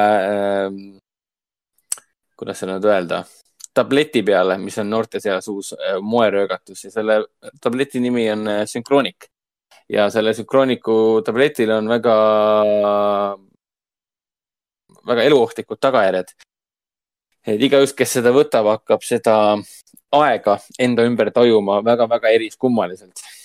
ja kui üks, üks, üks nende seast nii-öelda meie, meie parameedikute perekondadest üks inimene satub sünkrooniku nii-öelda nii ohvriks siis nad hakkavad kiiresti ajaga võidujoostes jook, jooksma, et seda probleemi lahendada, et kuidas oma äh, lähedane tagasi saada sünkrooniku käest äh,. film võtab väga huvitavaid pöördeid, ta ei ole harjumuspärane niisugune tavaline, tavaline filmik, et oi, meil on mingi ulmeline element siin, lähme uurime, uudistame sellega ja siis päästame maailma. ei, see on pigem niisugune intiimne, isiklik lugu kahest, kahest parimast sõbrast ja, ja see, kuidas nad käsitlevad seda mm, eriti ohtlikku tabletti ja mida see inimeses tekitab, on äh, tegelikult isegi väga originaalne, et sa nagu päris niisugune e- edge on, on your seat ei ole, et sa hoiad kümne küürega sellest kinotoolist kinni, pigem on nagu, sind viiakse nagu siukse mõnusale unenäolisele rännakule, et kus sa lõpus, kui ta läbi saab, siis sa mõtled, et fuck, tahaks uuesti vaadata või siis tahaks, tahaks veel midagi sellist ja siis ongi nagu hea, et kui pole varem Moorheadi ja Bensoni filmi vaadanud, siis sünkroonik on tegelikult ka mingis mõttes väga hea sissejuhatus, et vaadata tema eelmised filmid ära. sest nende eelmine film The Endless äh, on tegelikult sala, salajane järg nende kõige esimesele filmile, mille nimeks oli siis Resolution. et see oli ja see oli kõigi jaoks tohutu suur üllatus, kui me vaatasime seda sõpruses PÖFFi ajal Ah, üle-eelmisel või üle-üle-eelmisel PÖFFil ja siis vaatame Endlessi ka avastame, et oota, mida, kas nad praegu retcon'isid omaenda uue filmi, omaenda kõige esimese filmiga, mis oli eriti madala, väikese, pisikese eelarvega tehtud? Kas õppisid- õppisid vahepeal mingi uue sõna või? mille? Redcon nimine sina ise korrutad seda sõna siin kogu aeg ju, ah.. ette ei taha. mida sa ajad? Redcon, Eh, Revise, aa, okei, Põhimõtteliselt- okei, põhimõtteliselt, kui Bensoni Moorheadi filmidega te ei ole veel tutvunud, siis kindlasti peaks seda tegema. Ja sünkroonika on praegu kinos, ta on tegelikult suure ekraani film. Äh,. tasuks leida sihuke, praegu on koroonaaeg, nii et praegu on kindlasti seansid rahulikult nii-öelda, niisugune mõnus hiline aeg selle vaatamiseks, kasvõi peaasi, et keegi taustal ei, otse sinu kõrval ei krõmpsutaks seda popkorni ega karjuks sulle näkku. sihuke rahulik seltskond võiks olla ja nautida täiel määral sellist, sihukest, sihukest kummaliselt sihukest väga-väga endasse haaravat unenäolist sihukest ulmekat. ta ei ole õudusfilm, selles kindlasti mitte. no kui narkomaania ja selle tagajärjed on õud- õudsed, siis muidugi on õudne. ei no need, need on ikka päris lõbusad ju, mis, mis seal ikka õudsed on. Mis asi, narkomaania on lõbus või? kas sa ei ole vaadanud Trainspottingut siis või? jaa, see oli küll väga lõbus, ma olen nõus. aga jaa, ei sünkroonika on, ma ei saaks seda öelda, et on selle aasta parim film, sest ma nägin seda eelmisel aastal ja tõenäoliselt ta läks mul kaks tuhat kakskümmend aasta alguses mingi kaks tuhat üheksateist aasta lemmikute hulka ka. nii et ma ei saaks seda enam nagu siia panna. aga kummalisel kombel võib öelda küll niimoodi, et väga palju sarnasusi oli Tenetiga, et nagu sünkroonika on see film, mida nagu võib-olla Nolan oleks tahtnud mingis mõttes teha paremini võib-olla wow.. see on see, sünkroonik on see film, mis Tenet oleks võinud, olla, viskas lihtsalt Tenetile puid alla praegu lihtsalt. jah. praegu Nolan, Nolan tuleb- Nolan ärkab oma häärberis ülesse, mingi, mis asja, Henrik ütles mu filmi kohta midagi halvasti. ei no Nolan ärkab, tunneb, et kuskil põleb, põleb midagi, et mingi, keegi viskas puid. tuleb, kuule, Emma, ärka ülesse. oli Emma vist või? kas sa tunned mingit kärsahaisu, et jaa, keegi, mingi podcaster kuskil tegi su filmi maha mingi no, nobody Eestis tegi sind maha. jaa. aga jah, kuule, aga siis eh, mina rohkem ah,, me vaatasime pinget, noh, kuidas siis pinge meeldis 4K-s Iceland saalis? väga äge, arvestades, et ma olen seda filmi näinud kunagi ammu telekast või, või kodus arvutis pisikesel ekraanil, mis toona ilmselt polnud isegi full HD, vaid mingi jumal teab mis. pinge, kineskoop. see tegemist on jah siis ehk siis Michael, Michael Manni äh, tuhande üheksasaja See on üheksakümne viienda aasta filmiga äh, Heat. ta on tõlgitud äh, eesti keelde kui äh, pinge või? jah, ta ongi mõeldud filmi kontekstis tegelikult, jaa, filmi Vau. kontekstis tegelikult pinge on väga sobilik. see, aga see on see, äh, see on üks nendest äh, läbi aegade top kümme filmidest on ju, et Godfather kaks ja Shawshank Redemption ja jah, kuigi noh, kui ütleme, rääkida epilistest krimidraamadest, siis see on üks nendest. Aga Shawshank vist ju kandideeris ka Oscaritele ja muidugi Godfather, aga Heat ei saanud ühtegi, isegi ei kandideerinud ühelegi suuremale auhinnale. olgugi, et ta kasseeris oma kuuekümne miljoni suuruse eelarvega sada kaheksakümmend seitse tagasi ja oli kõigi aegade kõige hinnatumaid filme ja kõik kriitikud austavad seda, ütlevad, et see on Robert De Niro ja siis äh, Al Pacino üks parimaid filme, Michael Manni üks parimaid filme. ja, ja kui sa vaatad nagu cast'i ka, kes on siia kõik kokku, kõik kokku kogutud, et Ashley Judd ja, ja Tom Sizemore ja Val Kilmer ja kes teeb fantastilise John- rolli, Wes Studi ja John White ja Ted Levine. ja sa kuulad seda Elliot Goldentali muusikat, see jääb lihtsalt kummitama. Ja, ja kuidas, kuidas nad kasutavad seda mobi, seda Joy Divisioni ühe New Dawn Fades, loo cover'it on täiesti fantastiline. Ja kuidas see, kuidas see Dante Spinotti, kes on siis filmi operaator, on selle üles võtnud, see näeb nagu tõeline nagu omaette huvitav nägemus äh, maailmast ette äh, Los Angeleses siis ja eriti see unikaalsed võtted ka, mille peale sa hakkad mõtlema keset filmi, et kuidas kurat nad seda filmisid. et ma saan aru, et sa võib-olla filmid üldplaani linnast äh, öösel ja aut-, äh, paned autofookusesse ja võib-olla laiendad seda pilti, see on võib-olla arusaadav, aga seal on teatud siuksed suured plaanid karakterite nägudest, kus taustal on mingid asjad, sa hakkad mõtlema, kuidas nad valgustasid seda nägu või, või ma saan aru, et see peaks olema kuuvalgus või pigem linnavalgus, aga see loob siukse väga huvitava efekti, äh, mida võib-olla tänapäeva filmides nii palju ei, ei näe, et isegi, isegi suvaline selles mõttes suvaline dialoogitseen kahe inimese vahel võib nagu võrratu välja näha, sa hakkad mõtlema, vau, vot see on kunst. ja, ja film kestab kaks tundi ja viiskümmend minutit, et see on. on jah, mäletan wow., see oli põhi, põhi, põhiline, kus ma, mul läks see Heat'i vaatamine kümme aastat aega, et seda lõpuks vaadata see oli liiga, liiga pikk film, et niisama vaadata.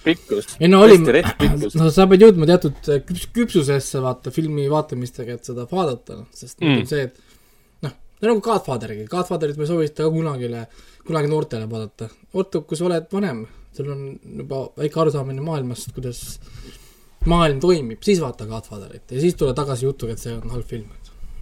No, no täpselt jah, jah..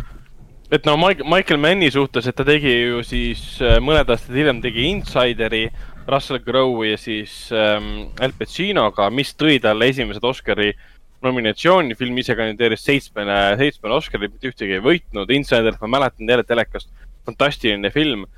ja see on ongi nagu tema, Michael Manni nagu tõelise käekirja, käekirja film, et kus sul ongi kaks põhitegelast. Nende vahel on mingi pinge kogu aeg ja siukses hästi siukses külmas, kalgis maailmas ka. ja, ja, ja, ja, ja Heat, ütleme see pikkus kaks viiskümmend üldse ei mõju. ma, ma, ma hakkasin kella vaatama ma ei vaadanud isegi kella sellepärast, et kaua film on käinud, ma hakkasin kella vaatama, et mis kell üldse on, et kas ma jõuan bussi peale, umbes siuksed asjad.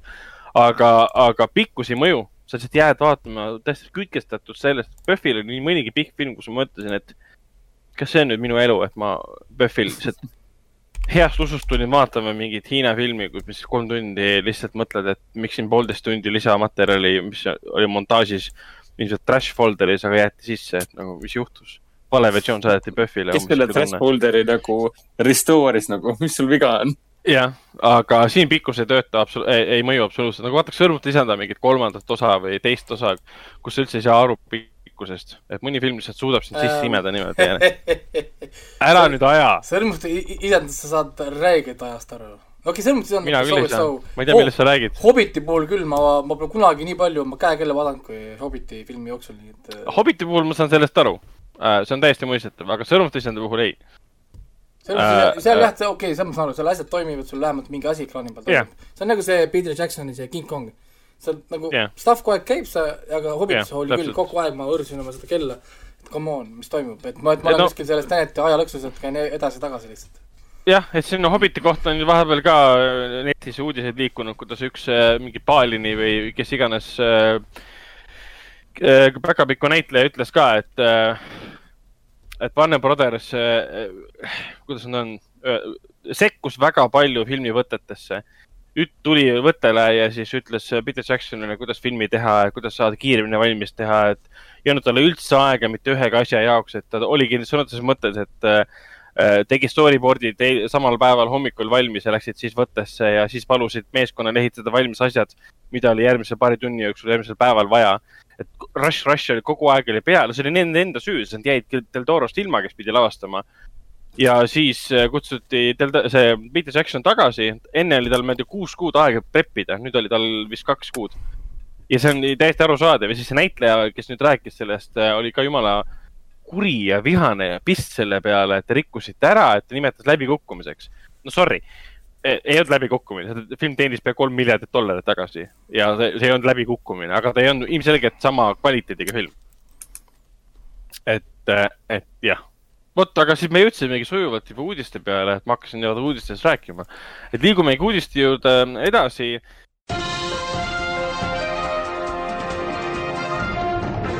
võib-olla kõige suuremad, võimsamad uudised, mis viimasel ajal on siis maailma raputanud, ei ole asjade edasilükkamised filmide edasilükkamised, vaid pigem see, et Warner Brothers andis teada, et peamiselt kõik nende kahe, järgmise aasta siis filmid, mille hulgas on näiteks Matrix neli, Dune, Denis Villeneuve film siis ja, ja mis seal veel oli? Wonder Woman tuhat üheksasada kaheksakümmend neli, see on juba ette teada. uus Mortal Combat uus Mortal Combat, need kõik tulevad samaaegselt HBO Maxi voogedastusteenust, teenusesse, mida Eestis nagu ametlikult ei ole saadaval ja siis kinodesse ka. aga kusjuures jaoks... äh, sellega oli nii huvitav, vaata, ma andsin teile varem teada, vaata sellest enne kui see tuli, uudis mm. -hmm. see oli kõik sellepärast, et Mortal Combati fännid jälgisid kogu aeg, iga päev äh, re-, noh, refresh isid seda kodulehte mm -hmm. filmil. noh, millal need logod tulevad ja millal piletid osta ja siis kohe, kui see kadus ära, kino kuupäev, kad-, kadus ära, vaata mm. -hmm. vaata, ma vist mingi neli või viis päeva enne ma share isin teile seda, et Mortal Combati see kuupäev kadus ära ja inimesed tegid kohe järeldused selge, et Mortal Combat läheb siis HBO Maxi, vaata. ja siis äh, tuligi mingi loetud päevad hiljem, et oh, sorry, kõik läheb HBO sinna, Maxi jah, ja, ja, ja see on väga võimas selle koha pealt. Disney pluss on järgmine. et nüüd ongi see samm tehtud, et üks maailma suurimaid levitajaid ja ettevõtteid, kes toodavad maailma populaarsemaid filme, ütleb, et jah, meie kõik filmid tulevad otse interneti piraatidele söödaks ja, ja otse siis kinno ka. ehk siis Eestis me saame neid filme kinos näha, USA-s saab neid filme kinos näha, aga ameeriklastel on valik iga, igal pool mujal, kus on HBO Max, HBO Max, mis praegu ongi ainult USA-s, saavadki seda filmi vaadata ka kodus 4K-s HDR-is, mis on väga lahe lubadus, et kõik need filmid tulevad kohe 4K HDR E, e, et, et ei ole mingisugune, et oh, vaadake oma full HD-d kodus. ja Raiko saab kodus istuda ja vaadata lihtsalt full, full mingi 4K ja HDR-is lihtsalt. muidugi, muidugi, muidugi ja ei, see on, see on, see on tore. aga Wonder Woman on kindlasti kinofilm, on ju. Äh, siin on veel teatud filme, mis on kinos igal juhul, sest. Ma, ma ei, ma ei vaata Wonder Womanit mingi story pärast või, no sorry, noh, see, ma tahan ei. näha Gal Gadot full suurelt eh, ekraanilt, kuidas no., kuidas see naine võitleb ja, ja näitab no, oma oskuseid, et no me tahame näha naist võitlemas suure kinoekraani peal. ja seda saab teha juba siis, seda saab teha siis juba kuueteistkümnendast detsembrist, kui film küll, Eestis, Eestis linastub. millal ta HBO Maxi üldse jõudis, natukene hiljem kakskümmend viis detsember. no vot, et see on kinofilm, et sellest esimesed arvustused on ka väljas, arvustused okei okay,, mitte arvustused, vaid hinnangud Twitteris mis ütlevad umbes väga utreeritud kujul, et mul tuli lõpus pisar silma, mida ma kunagi ei arvesta selles mõttes, et sorry. sa ei saa iga filmi kohta öelda, et sul tuli pisar silma, kus sul privaat screening ule. Nonii, sul oli siin. kustutati kohale ja anti nänni näppu ja vaata filmi. sul oli siin kohe mitu probleemi, esimene probleem oli see, et sa ütlesid, et sa käisid Twitteris oh, ei, ma, ma ei käinud, ma vaatasin artiklit internetis okay.. ma mõtlesin, et, et, et, et seda, seda ära kunagi tee, et, et Twitter on toxic, toxic wasteland ja, ja ära, ära, ära seda trolli küll toida. ja, ja, ja, ei, ei, ja, ja, ja, noh, ja siis te, teiseks muidugi kõik, kes mõtlevad, et ma vaatan seda kodus, on ju, väikselt ekraanilt, siis võiks olla täitsa kohe mingi seadus, et kui sa näed näiteks, et keegi vaatab Kalgo tood näiteks mingi telefoni ekraani pealt, sa võid talle seaduslikult vastu pea, pead anda näiteks tõsi, ma teeks sellega olen küll nõus. miks on nagu no,, miks on nagu point, eriti kui need inimesed, kes usuvad Jumalat, on ju, ja siis keegi sa-, vorpis sellise naise nagu on Gal Gadot ja siis sa vaatad seda väikselt ekraanilt, siis on nagu see, et nagu miks sa raiskad nagu ressurssi nagu et, et no ja täpselt, see on su, su sama kui nüüd Villeneuve tüün, tüün tuleb välja, siis äh, sõidad number viiega kuradi vanematele külla ja siis vaatad mingi telefoniga. keegi istub sul kõrval ja vaatab oma kuradi väikselt telefoni. telefoniga vaatad tune'i, see on nagu see, et äh? või, või täpselt, kusjuures, no need on needsamad inimesed, kes mängivad tuumi ilma helita. Need on needsamad ah, sadomaso inimesed, kes teevadki niisugust asja. Sorry nagu et, et äh, kui sul oleks, mul oleks bussijuht ja keegi tuleb bussi, mingi, ma ei tea, Wonder mm. Woman on telefonis, siis paneks uks kinni, mine kõnni jala, noh mask või mitte, kohe välja aga Warner Brothersi järgmise aasta filmide hulgas on, mida kinofilmidena kindlasti me ta-, oleksime tahtnud näha, ma arvan, et Mortal Combat. jaa, see on, oleneb, ma pole treilerit näinud, kui treiler on äh, halb, siis äh, telefonis vaadake seda filmi jumala eest, aga, aga, aga loodan, et see on hea film ja kinofilme kindlasti nende hulgas veel ka Godzilla versus Kong, mis on siis selle oh. Godzilla seeria nüüd kolmas film. et esimene oli Godzilla, siis tuli Godzilla King of Monsters ah,, vahepeal oli King Kongi film ka ja nüüd tuleb ne- neljas film siis tegelikult. Godzilla versus Kong, et järgmine Conjuring ehk siis kurja kutsumine, mis on siis nüüd kolmas film siis, ei, jah, kolmas kolmas Conjuring, see tuleb ka siis otse sinna, kuigi noh, kinno ka siis Mhm. ja mis me veel, Dune järgmine, ja Matrix neli ja Suitsiidisõlga uus film ja täpselt James Gunni siis Suicide Salk eh, tuleb ka otse siis sinna. Space Jam, Space Jam kaks ka tegelikult. päris valus. Tom ja Jerry. et siin, et siin Eesti filmi, filmgrupi sõbrad on kindlasti rahul sellega, aga mina ikkagist eelistaksin, et eh, me saaks vaadata ain- ainult kinos. jah, ütleme Kino. see, peab jääma see. slo- see slogan tegelikult, et ainult kinodes tähendas juba tegelikult lähi, lähiminevikus siin väga vähe ja nüüd ta tähendab väga-väga, väga vähe. et nüüd me teame kõik, et ta ei ole ainult kinodes, et ammu on möödas need ajad, kui me vanasti käisime kinos ja siis mõtlesime, et jaa, umbes kuue kuu pärast tuleb DVD, nüüd on see, ei, ta on juba enne kino võib-olla sul netis, et aga nüüd me elame, elame täiesti, täitsa uues, uues maailmas ja midagi teha ei ole.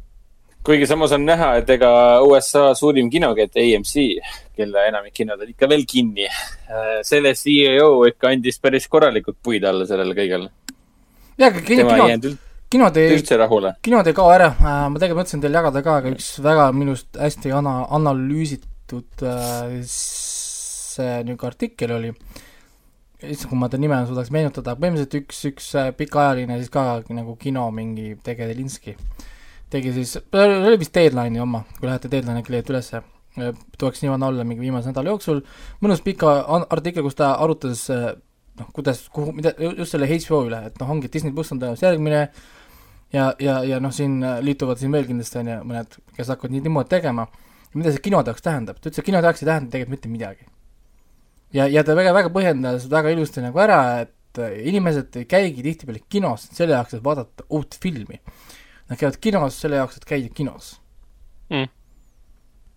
kinoelamus kui selline. ja, ja eriti nüüd, kui inimesed on pandeemiaga istunud kodus mingi aasta aega, on need diivanid nühkinud siin, siis kui tal on lõpuks valida, kas ta vaatab seda filmi kodust, on ju, kuskilt HBO Maxi äpist, või ta läheb sõbrannaga või, või boyfriendiga kinno, siis nad lähevad kinno.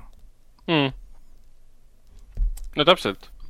et see ei ole ainult see, et sa vaatad, ma olen sinuga täiesti nõus, et see ei ole ainult see, et sa vaatad filmi kinos või et sa vaatad uut filmi, see on pigem see, et sa vaatad filmi kinos, sa lähed sinna seltskonnaga, ajad enne juttu äh,.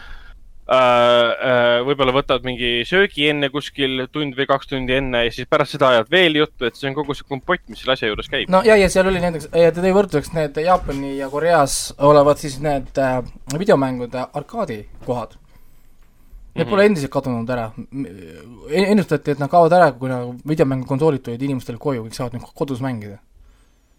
Nope, need ketid on kasvanud, kasvanud ja kasvanud, sellepärast et seesama idee kehtib ka seal. sa ei lähe sinna mängima mängu, vaid sa lähed sinna, et minna arkeedi Mm.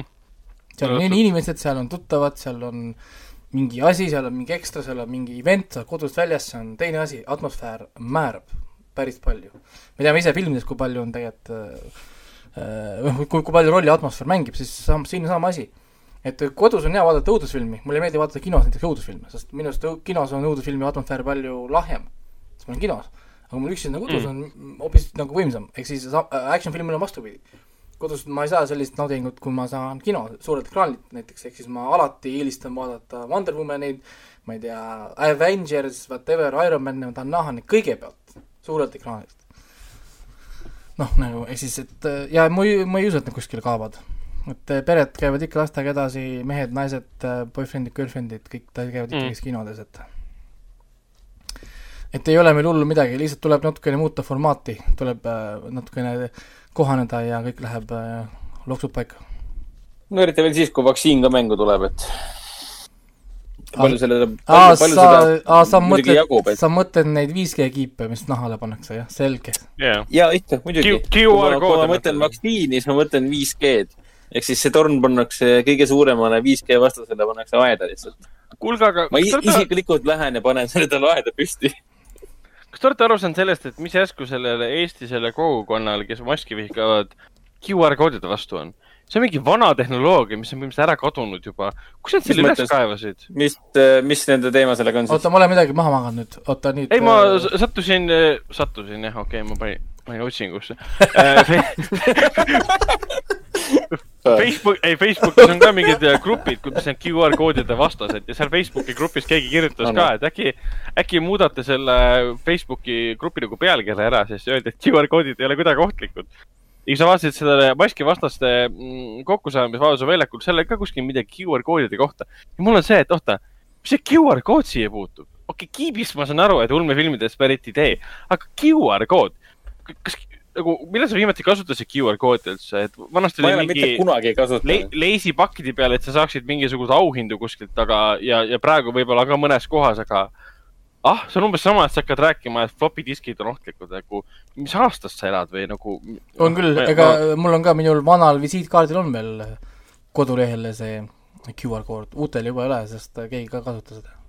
no, no täpselt jah, ja tundub, et mingid vandenõuteoreetikud on lihtsalt nagu liiga hilja kivi alt välja tulnud ja nad ei ole üldse maailmaga kursis enam, et see on see, et Nad, nad kasutavad Microsoft Explorerit, no, no jah, ja veel enam, et, et Windows Explorerit. Microsoft Edge'i kasutavad praegu Edge'i., arvavad, et see on mingi top-class tehnoloogia.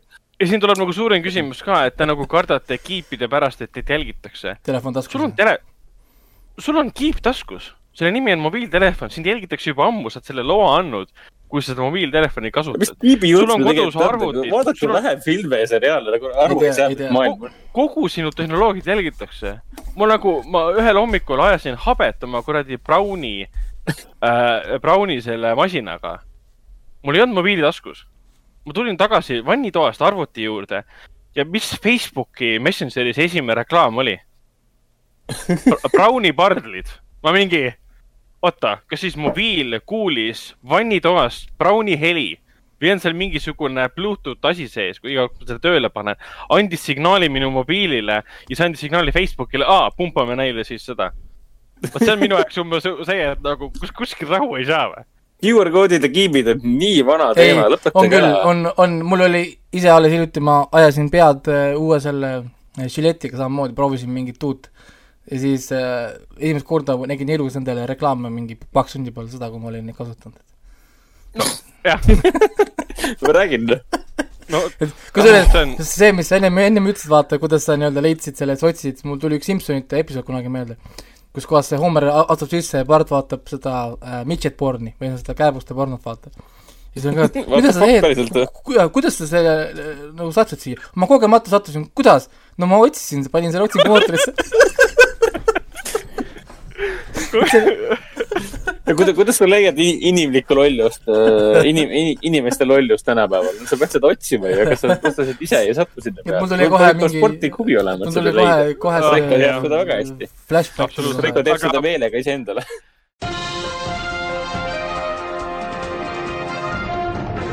Aga liigume, liigume edasi siit QR koodidest ja räägime korraks uuesti mm, kääbikutest või siis täpsemalt siis kääbikust ja sõrmuste isandast, et nimelt vahepeal tuli siis Amazoni müüki äh, Peter Jacksoni kolm kääbikufilmi ühe komplektina ja siis ühe komplektina siis kõik kolm sõrmuste isanda filmi, need tulid siis 4K UHD äh, versioonid neist ja sellega kaasas on praegu igal pool netis liiguvad ka siis Peter Jacksoni enda siis äh, sisse juhatatud videod, kus ta räägib, mis, milline, mis see 4K protsess endast kujutas. ja see on nagu, tuleb välja, et siis see- need 4K versioonid äh, sõnumite isandast ja kääbikust ongi need kõige õigemad versioonid üldse, kuidas sõnumite isandat vaadata. Sest nad, ta rääkis ka, kuidas nad stuudios võtsid ette kogu filmi, konverteerisid ta 4K-sse ja hakkasid igat kaadrikut läbi vaatama ja avastasid, et nii mitme, kuna film, pilt on nüüd nii crisp ja nii terav ja nii võimas, siis avastasid nii mitmedki kahekümne, noh, esimene film valmis kakskümmend aastat tagasi, see on päris vana aeg juba, olgem ausad.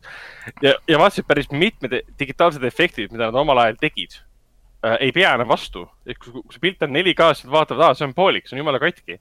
Ja nad Mhm. otsustasid, et nad lihtsalt brush isid seda ja täiendasid seda ja kaotasid seda aga Ja- Jackson kinnitas üle, et ta ei, põhimõtteliselt ta ei teinud George Lucast ega ta ei hakanud ühtegi efekti selle see oli versiooni päris jaoks armas jah, tal ametlikus videos ta toonitas seda, et me ei muutnud mitte midagi, ainult pilti. That's Jah. it. Nad muutsid- heli ka muidugi, Dolby Atmos ja kõik see. jah, ja parandasid neid äh, efekti kohti, et ütles ka, kuskil stuudios vaatasid mingi sajatollisel 4K kuvaril HDR-is. aa, et lihtsalt see selle Balrogi tuli on jumala veider teatud nurgas, et kuule, parandame siit selle ära näiteks või mingis kohas paistis mingisugune roheline taust läbi, siis nad lihtsalt peitsid selle korraks ära, et no mingid asjad, mida inimesed pole varem tähele pannud, aga 4K-s panevad. et see on praegu siis müügis mingi kaheksakümmend, kaheksakümmend dollarit. üheksakümmend, üheksakümmend eurot põhimõtteliselt.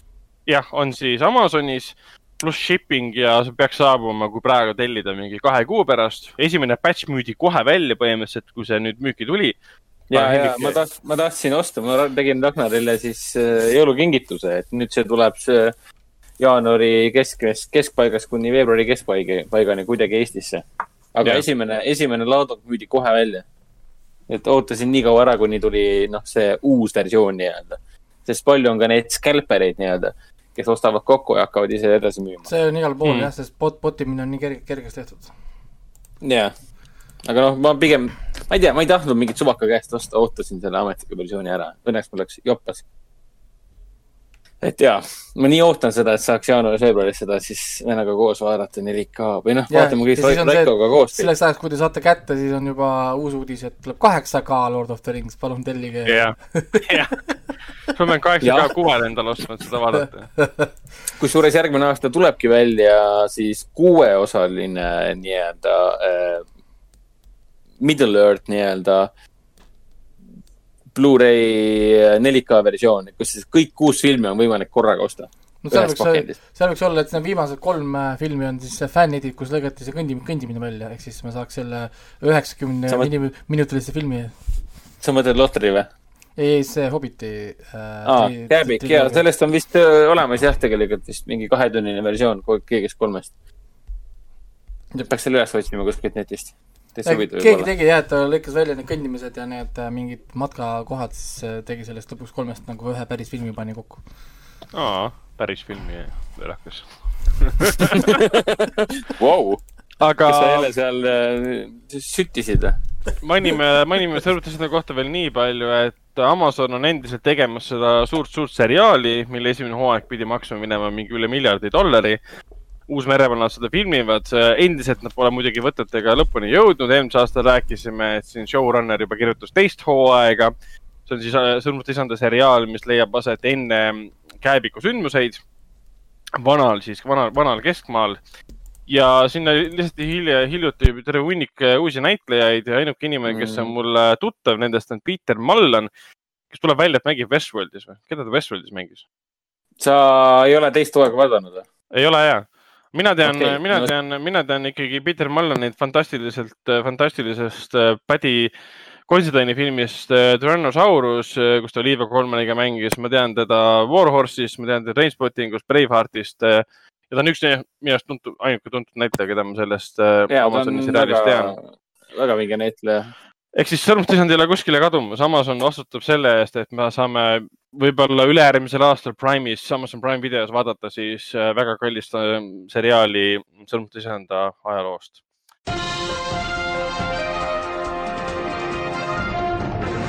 vot, aga võib-olla viimase uudisena räägime nii palju, et äh, troonide mäng üle sarnaselt, troonide mäng sarnaselt siis sõrmustisandal pole ka läbi. nimelt troonide mängu siis äh, spin-off seriaal House of Dragon, nende võtetega alustatakse nüüd järgmisel aastal. Me teame, et siin troonide mängul ei ole võib-olla asjalood kõige paremad olnud, et vahepeal neil oli üks seriaal oli veel töös, äh, aga see cancel dati ära. Äh, võib-olla esimene võttepäev olevat juba ära olnud siis pandi kinni. Ähm, see oli ammu enne muidugi koroonat ja nüüd on siis House of the Dragon on töös, äh, see on siis muidugi Targaryenite, Targaryenite minevikus, see on kõigest sellest, kuidas Targaryenid esimest korda tulid üle mere ja võtsid Westerose üle Äh, esimesed mingid concept äh, art pildid lasti ka välja. Äh, draakonid näevad kuidagi punasemad nendes piltidel. no aga... arusaadav ka, sest noh, fire and blood and so on.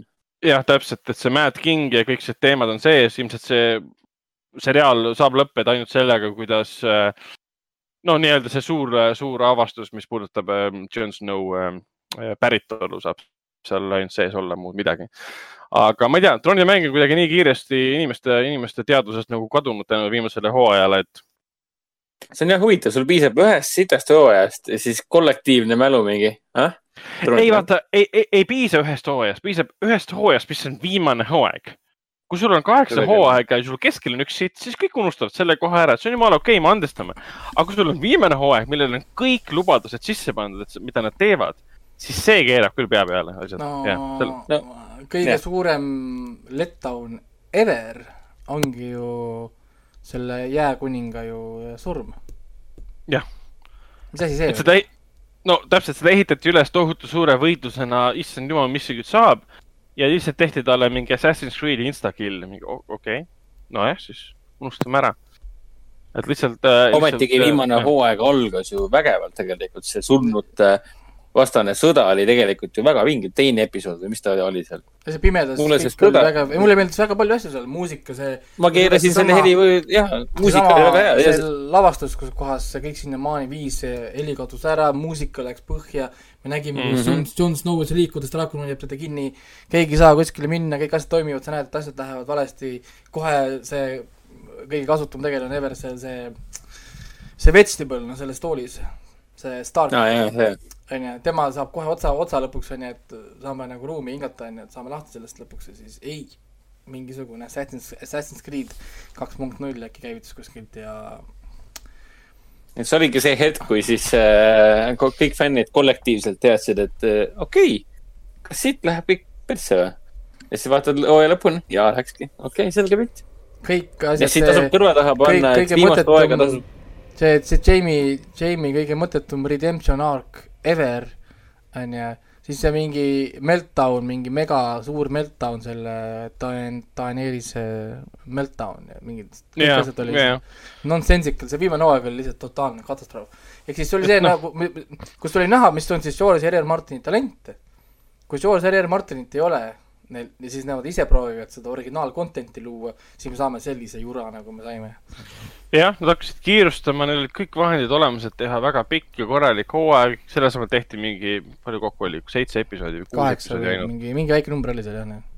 et, et kümne asemel oli mingi seitse või kaheksa ainult ja, ja episoodid jumala lühikesed ka nagu, mis juhtus, miks nagu. ja lihtsalt neil oli kiire kuskile, ilmselt oligi see, et Disney, Mickey, Mickey Hiir kuskil teemat ütles, et kuule, siin on viissada miljonit leping, et hakata, ma ei tea, mis nad üldse teevad Disney jaoks, nad hetkel läksid sinna peale üle ei et... ole ju enam. ei, Disney. Nad läksid Netflixi ju, nad loobusid Aa, Disney. õigus, õigus, nad loobusid Star Warsist ja, ja läksid ju Netflixi peale üle. ma ei tea siiamaani, mis nad siin, seal üldse teevad muidugi. ja, ja neil oli see Confederate ka ja, aga siis tuli see tänapäevane solvumiskampaania peale ja siis nad pidid sellest loobuma. Nonii, lähme edasi lähme edasi ja räägime uutest äh, filmidest, mis alustavad nüüd üheteistkümnendal detsembril. Foorum Cinemas kinodes äh, alustavad näiteks Hõbedased uisud, mis on siis eepiline, eepiline draama ajaloolises Moskvas, kui ma ei eksi, või oli Peterburis? Peterburis. Peterburis ikkagi. väga eepiline suunaline film, mille üks produtsent on siis kui ma ei eksi, oli Nikita Mihhalkov isegi, mis tuletas mulle meelde, et ma peaksin ära vaatlema selle the Sun'i äh, järjed. sest tüüp tegi ju, väikesest rammestunud tegi järje, mis oli kaheks filmiks jaotatud. et mul on need nägemata. ja siis tuleb Prantsuse, Prantsuse kuum komöödia Lahutusklubi, mis on põhimõtteliselt Prantsuse versioon ähm, äh, sellest ähm, Äh, klassi kokkutulekust, aga mitte päriselt, lihtsalt sisu on üsna sarnane. Äh, kuidas mehe, üks mees, kes on lahutuse läbi elanud, siis, äh, siis läheb siis lahutusklubisse, kus on kõik lahutatud inimesed. ja siis tuleb ka Andrei Kontsalovski Kallide seltsimehed, mida me PÖFFil vaatamas käisime, juba alustab siis üheteistkümnendal detsembril. see tuleb ka siis Kinno Artis, Kinno Artis tuleb veel ka Manfred Vainokivi uus dokumentaalfilm Mephistopheles, äh, meil tuleb ka Liiva Niklase uus dokumentaalfilm Keelepäästja, mõlemad filmid linastasid PÖFFil. ja siis tuleb ka uus, äh, uus niisugune äh, vallatu komöödia järgmisel hommikul. mida ma veel tahan kindlasti mainida, ma mainisin siit ära kõik, et Artises on tulemas Kallid seltsimehed esilinastus kümnendal detsembril, kus siis kõikide lemmik ajaloolane Äh, raadiohääl David Vseviov teeb sissejuhatuse ja räägib pikemalt taustalt ta,, filmi taustast natukene, mitte filmi taustast, vaid filmis kujutatud sündmuste taustast. lisaks on meil siis tulemas ka ja kõik piletid on müügis Kim Ki-duki filmipäevad kuueteistkümnendast detsembrist kahekümne teise detsembrini. Ja jaanuar on Artises äh, äh, Federico Fellini filmikuu, kus meil siis kaheksandast jaanuarist kolmekümne esimese jaanuarini tulevad näitamisele sellised filmid nagu La Strada, ka, ka Piir ja ööd, Magus elu, kaheksa üks kahendikku, Giulietta ja vaimud, Rooma, Amarcord, Casanova orkestri proov, Kuu hääl ja siis ka mm, Veneetsia filmifestivalil linastunud äh, dokumentaalfilm Kogu tõde magus elu kohta, mis on siis dokumentaalfilm äh, La Dolce Vita ehk siis maguselu loomisest. ehk siis vaadata on palju, filme tuleb palju nii, mida me veel mainime, et Netflixi jõudis lõpuks siis äh, David Fincheri uus film Mänk, äh, mis räägib siis muidugi Citizen Kane'i äh, stsenaristist ja Citizen Kane'i stsenaristi vägikaikaveost siis ei kellegi muu kui Orson Wellesiga. muidugi on Netflixis olemas ka Hillbilly Elegy äh,, äh, Amy Adamsi ja selle noh. Glen Close'iga, jah. jah ja siis äh, Raiko soovitab kindlasti vaadata ka siis Don't Listen'it ja The Call'i ja siis on olemas ka äh, värske äh, militaarmärul Mosul. või siis Alien Teli..., Alien Worlds, pange ka sinna kohe endale. ja täpselt, Alien Worlds soovitame ka, sest äh, Raiko, Raiko kirjelduse põhjal on see kindlasti väärt vaatamist. Telia HBO-s äh, soovitame vaadata, vähemalt Hendrik soovitab vaadata Lennusaatjat äh, ja ähm, siis mina keli... soovitaks vaadata seda kolmkümmend coin, Dirty Coin, uus horror äh, show. kolmkümmend münti, jah. esimene hooaeg, hooaeg, episood on väljas. ahah, no vot. ja mis asi on Veneno? Veneno on äh,, põhineb ühel kuulsal äh,, mis ta oli, Hispaania transseksuaalsel meelelaudajal äh,. mul siin on äh,, mul ütleme nii, et perekonnas üks siin vaatab seda ja ma olen kõrvalt vaadanud seda kuskil kaks või kolm episoodi ja ma hakkan seda ise ka kindlasti vaatama. see on niisugune HBO kvaliteediga eriti vinge, niisugune äh, unenäoline ajalooline lugu põhimõtteliselt äh, trans, transseksuaalsete elust Hispaanias. okei okay.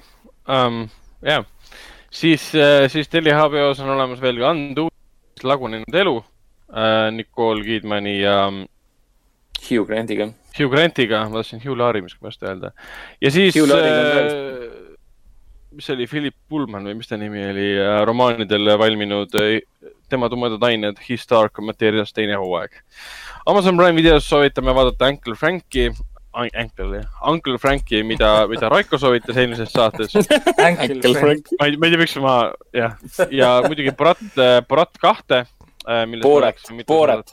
Borat ja siis ka Sound of Metal, äh, Riz Ahmedi äh, vaimustav film, millest Raiko saate alguses rääkis.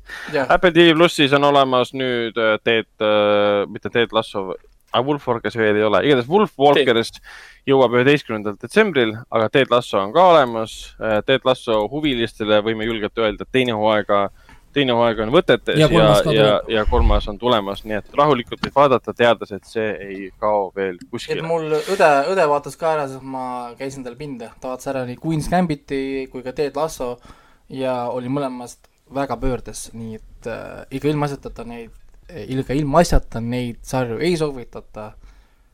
ja kui üldse mhm. kaks, kaks tuhat kakskümmend äh, meelelahutusel tahate kaasa rääkida, kui hakkavad ilmuma aasta lõpus erinevad listid, siis need peaks kindlasti vaadatud olema. vot siia lõppu võib-olla ma teeks äh, kaks äh, soovitust, filmisoovitust, ma ei tea, kus need leiab muidugi, äkki keegi viitsib guugeldada. Äh, seoses selle filmi The Calliga mulle meenus selline kahe tuhande viienda aasta Michael Keatoni film nagu teat-, White Noise kus siis yeah. peategelase naine suri ära ja siis ta hakkas nagu EVP ehk siis white noise'i kaudu kuulma oma naise teispoolsest pealt häält, pärit häält kes muidugi tuli välja, et ei olnudki tema naine ja suur kurjus ja kõik see. aga sellel filmil tehti hästi ebavajalik äh, järg ka, kui ma ei eksi. jaa, White Noise The Light, mis oli veel Nathan Fillioniga. ja teine film, mis ma soovitaksin kuskilt leiata, on Dragonfly, kahekümne teise aasta film siis Kevin Costneriga, mis on samamoodi siis äh, leinevast mehest ähm, keda siis, kellega võtab ühendust siis tema surnud naine ühe patsiendi kaudu, kellel oli siis selline noh, suri korraks ära ja tuli surnust tagasi ja tema naine võtab tema kaudu ühendust. Äh, film hävitati kriitikute poolt ära, aga see film on mul meeles jäänud tänu sellele, et kui ma kunagi Mustakivis ähm, käisin äh, VHS-e laenutamas, seal oli mingi, mis iganes selle, mis iganes VHS laenutus, filmilaenutus oli. siis alati riiulis ma nägin kallimate VHS-ide juures äh, Dragonfly Kevin Costneri, kes ma tahaks seda näha. aga nüüd on sellest no jah, ja, ja, ja nagu me eelmine kord mainisime, siin tegelikult veel kaks Lõuna-Korea asja, mis on sama teemaga, on äh, tunnel ja signaal. The signal and mm. the -hmm, tunnel täpselt, jaa.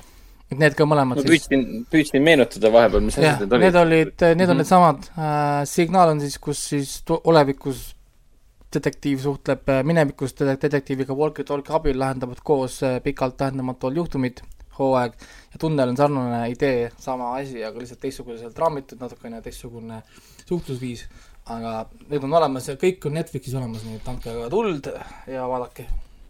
oota, aga signaal on siis minevik ja tunnel on tulevik või? jah, et nad on nagu põhimõtteliselt nagu vastupidi. ja, ja veidike nagu teine ka, kui signaalis on walkie-talkie, siis tunnelis on natuke teine äh, äh, trikk, aga noh. aga jaa, ma vaatan ta kooli ära ja siis ma võtan mõne, oota, kas neil ongi ainult üks hooaeg või? ja ei, need ongi, need peaks olema läbi äh,, need peaks olema nagu Aa. limiteeritud või nagu peaks olema. jaa, minisarjas vist. jah, okei okay,, super luks. vot, aga sellega saamegi siis saate, saateks äh, lugeda. järgmine nädal äh, on nii palju, et võib-olla pole ühtegi filmi vaadatud, sest äh, Cyberpunk tuleb. jah, Cyberpunk äh, kaks tuhat seitsekümmend seitse tuleb neljapäeval välja et siis äh, aasta lõpu meelel, meelelahutuse kuningas on kohe saabumas. Et kui te panete tähele, et teie sõbrad äh, ei tule tööle ja neil on puhkused välja võetud kõik samale perioodile, siis see ei ole sellepärast, et nad valmistuvad jõuludeks, nad istuvad kodus ja mängivad. see on, muud põhjust ei ole tegelikult. jah, mul on siis, ka äh, füüsiline koopia tulekul, nii et ma ootan väga, et Euronics mulle seal ikkagi kümnendal detsembril ära annaks. oi, oi, sa ootad. oi, oi, oi, ma ootan ta tõenäoliselt jaanuari keskpaigani, jah. aga ta ongi nii, ei tea. Raiko, on väga väike tõenäosus, et vend saab kätte õigel ajal selle. arvestades koroonaaegset transporti, siis äh, füüsilist koopiat äh, võid saada varem, mul sõber sai kätte juba neljapäeval, sest käib mulle pinda siin äh, screenshot idega ja klipi, klipikestega, küsib vastuhambeid minu käest ja siis äh, mõned saavad siis väga palju hiljem. mis sa ütlesid Sass., küsib, küsib vastu hambaid sinu käest või? juba sai kätte, juba mängib või? ja no tema sai varem kätte jah, sest ta tellis Soomes mingi veedrast veeb- veebipoest, ta juba, juba jõudis kätte. siin äh, reedel müüdi siin Eesti selles Playstationi grupis äh, Venemaalt tulnud CyberPunki koopia üheksakümne viie euroga maha. nii et äh, Hmm. jah, ja minu meelest on vist see kuu, see kuupäev on vist juba langenud või? ei, see tuleb alles. Ei. üheksas, ja üheksas detsember. nii palju ma võin öelda ka, et ärge minge Youtube'i mitte mingil juhul, sest nad ei jõua neid videosid nii kiiresti eemaldada. ma juba nägin ära lõpu mängul, ma juba nägin ära väga palju spoilerit, sest ma lihtsalt olin Youtube'is valel ajal vales kohas ja ma ei saa enam seda nagu unsee teha, ehk siis olge teie paremad ja ärge minge Youtube'i praegu. jah, venna, ära tee seda Last of Us kahe fiaskot või siis äh, Final Fantasy seitsme remake'i id- idiootus, kus inimesed said kätte mängud varem kui ajakirjanikud, kes kirjutavad alustusi. ehk siis Ah. äh, jah, lõbus No no,, lõbus lõbus. ma läksin Youtube'i. aga ma panin hoopis Oh Lord of the Rings God. 4K UHD Blu-ray review korraks peale, et näha. jah, et olge hästi ettevaatlikud pä- päriselt, nii et, et aga, on- aga loeme saate saateks lõplikult ja näeme juba järgmine kord. tšau. tšau. tšau, Cyberpunk kaks tuhat seitsekümmend seitse on lahe.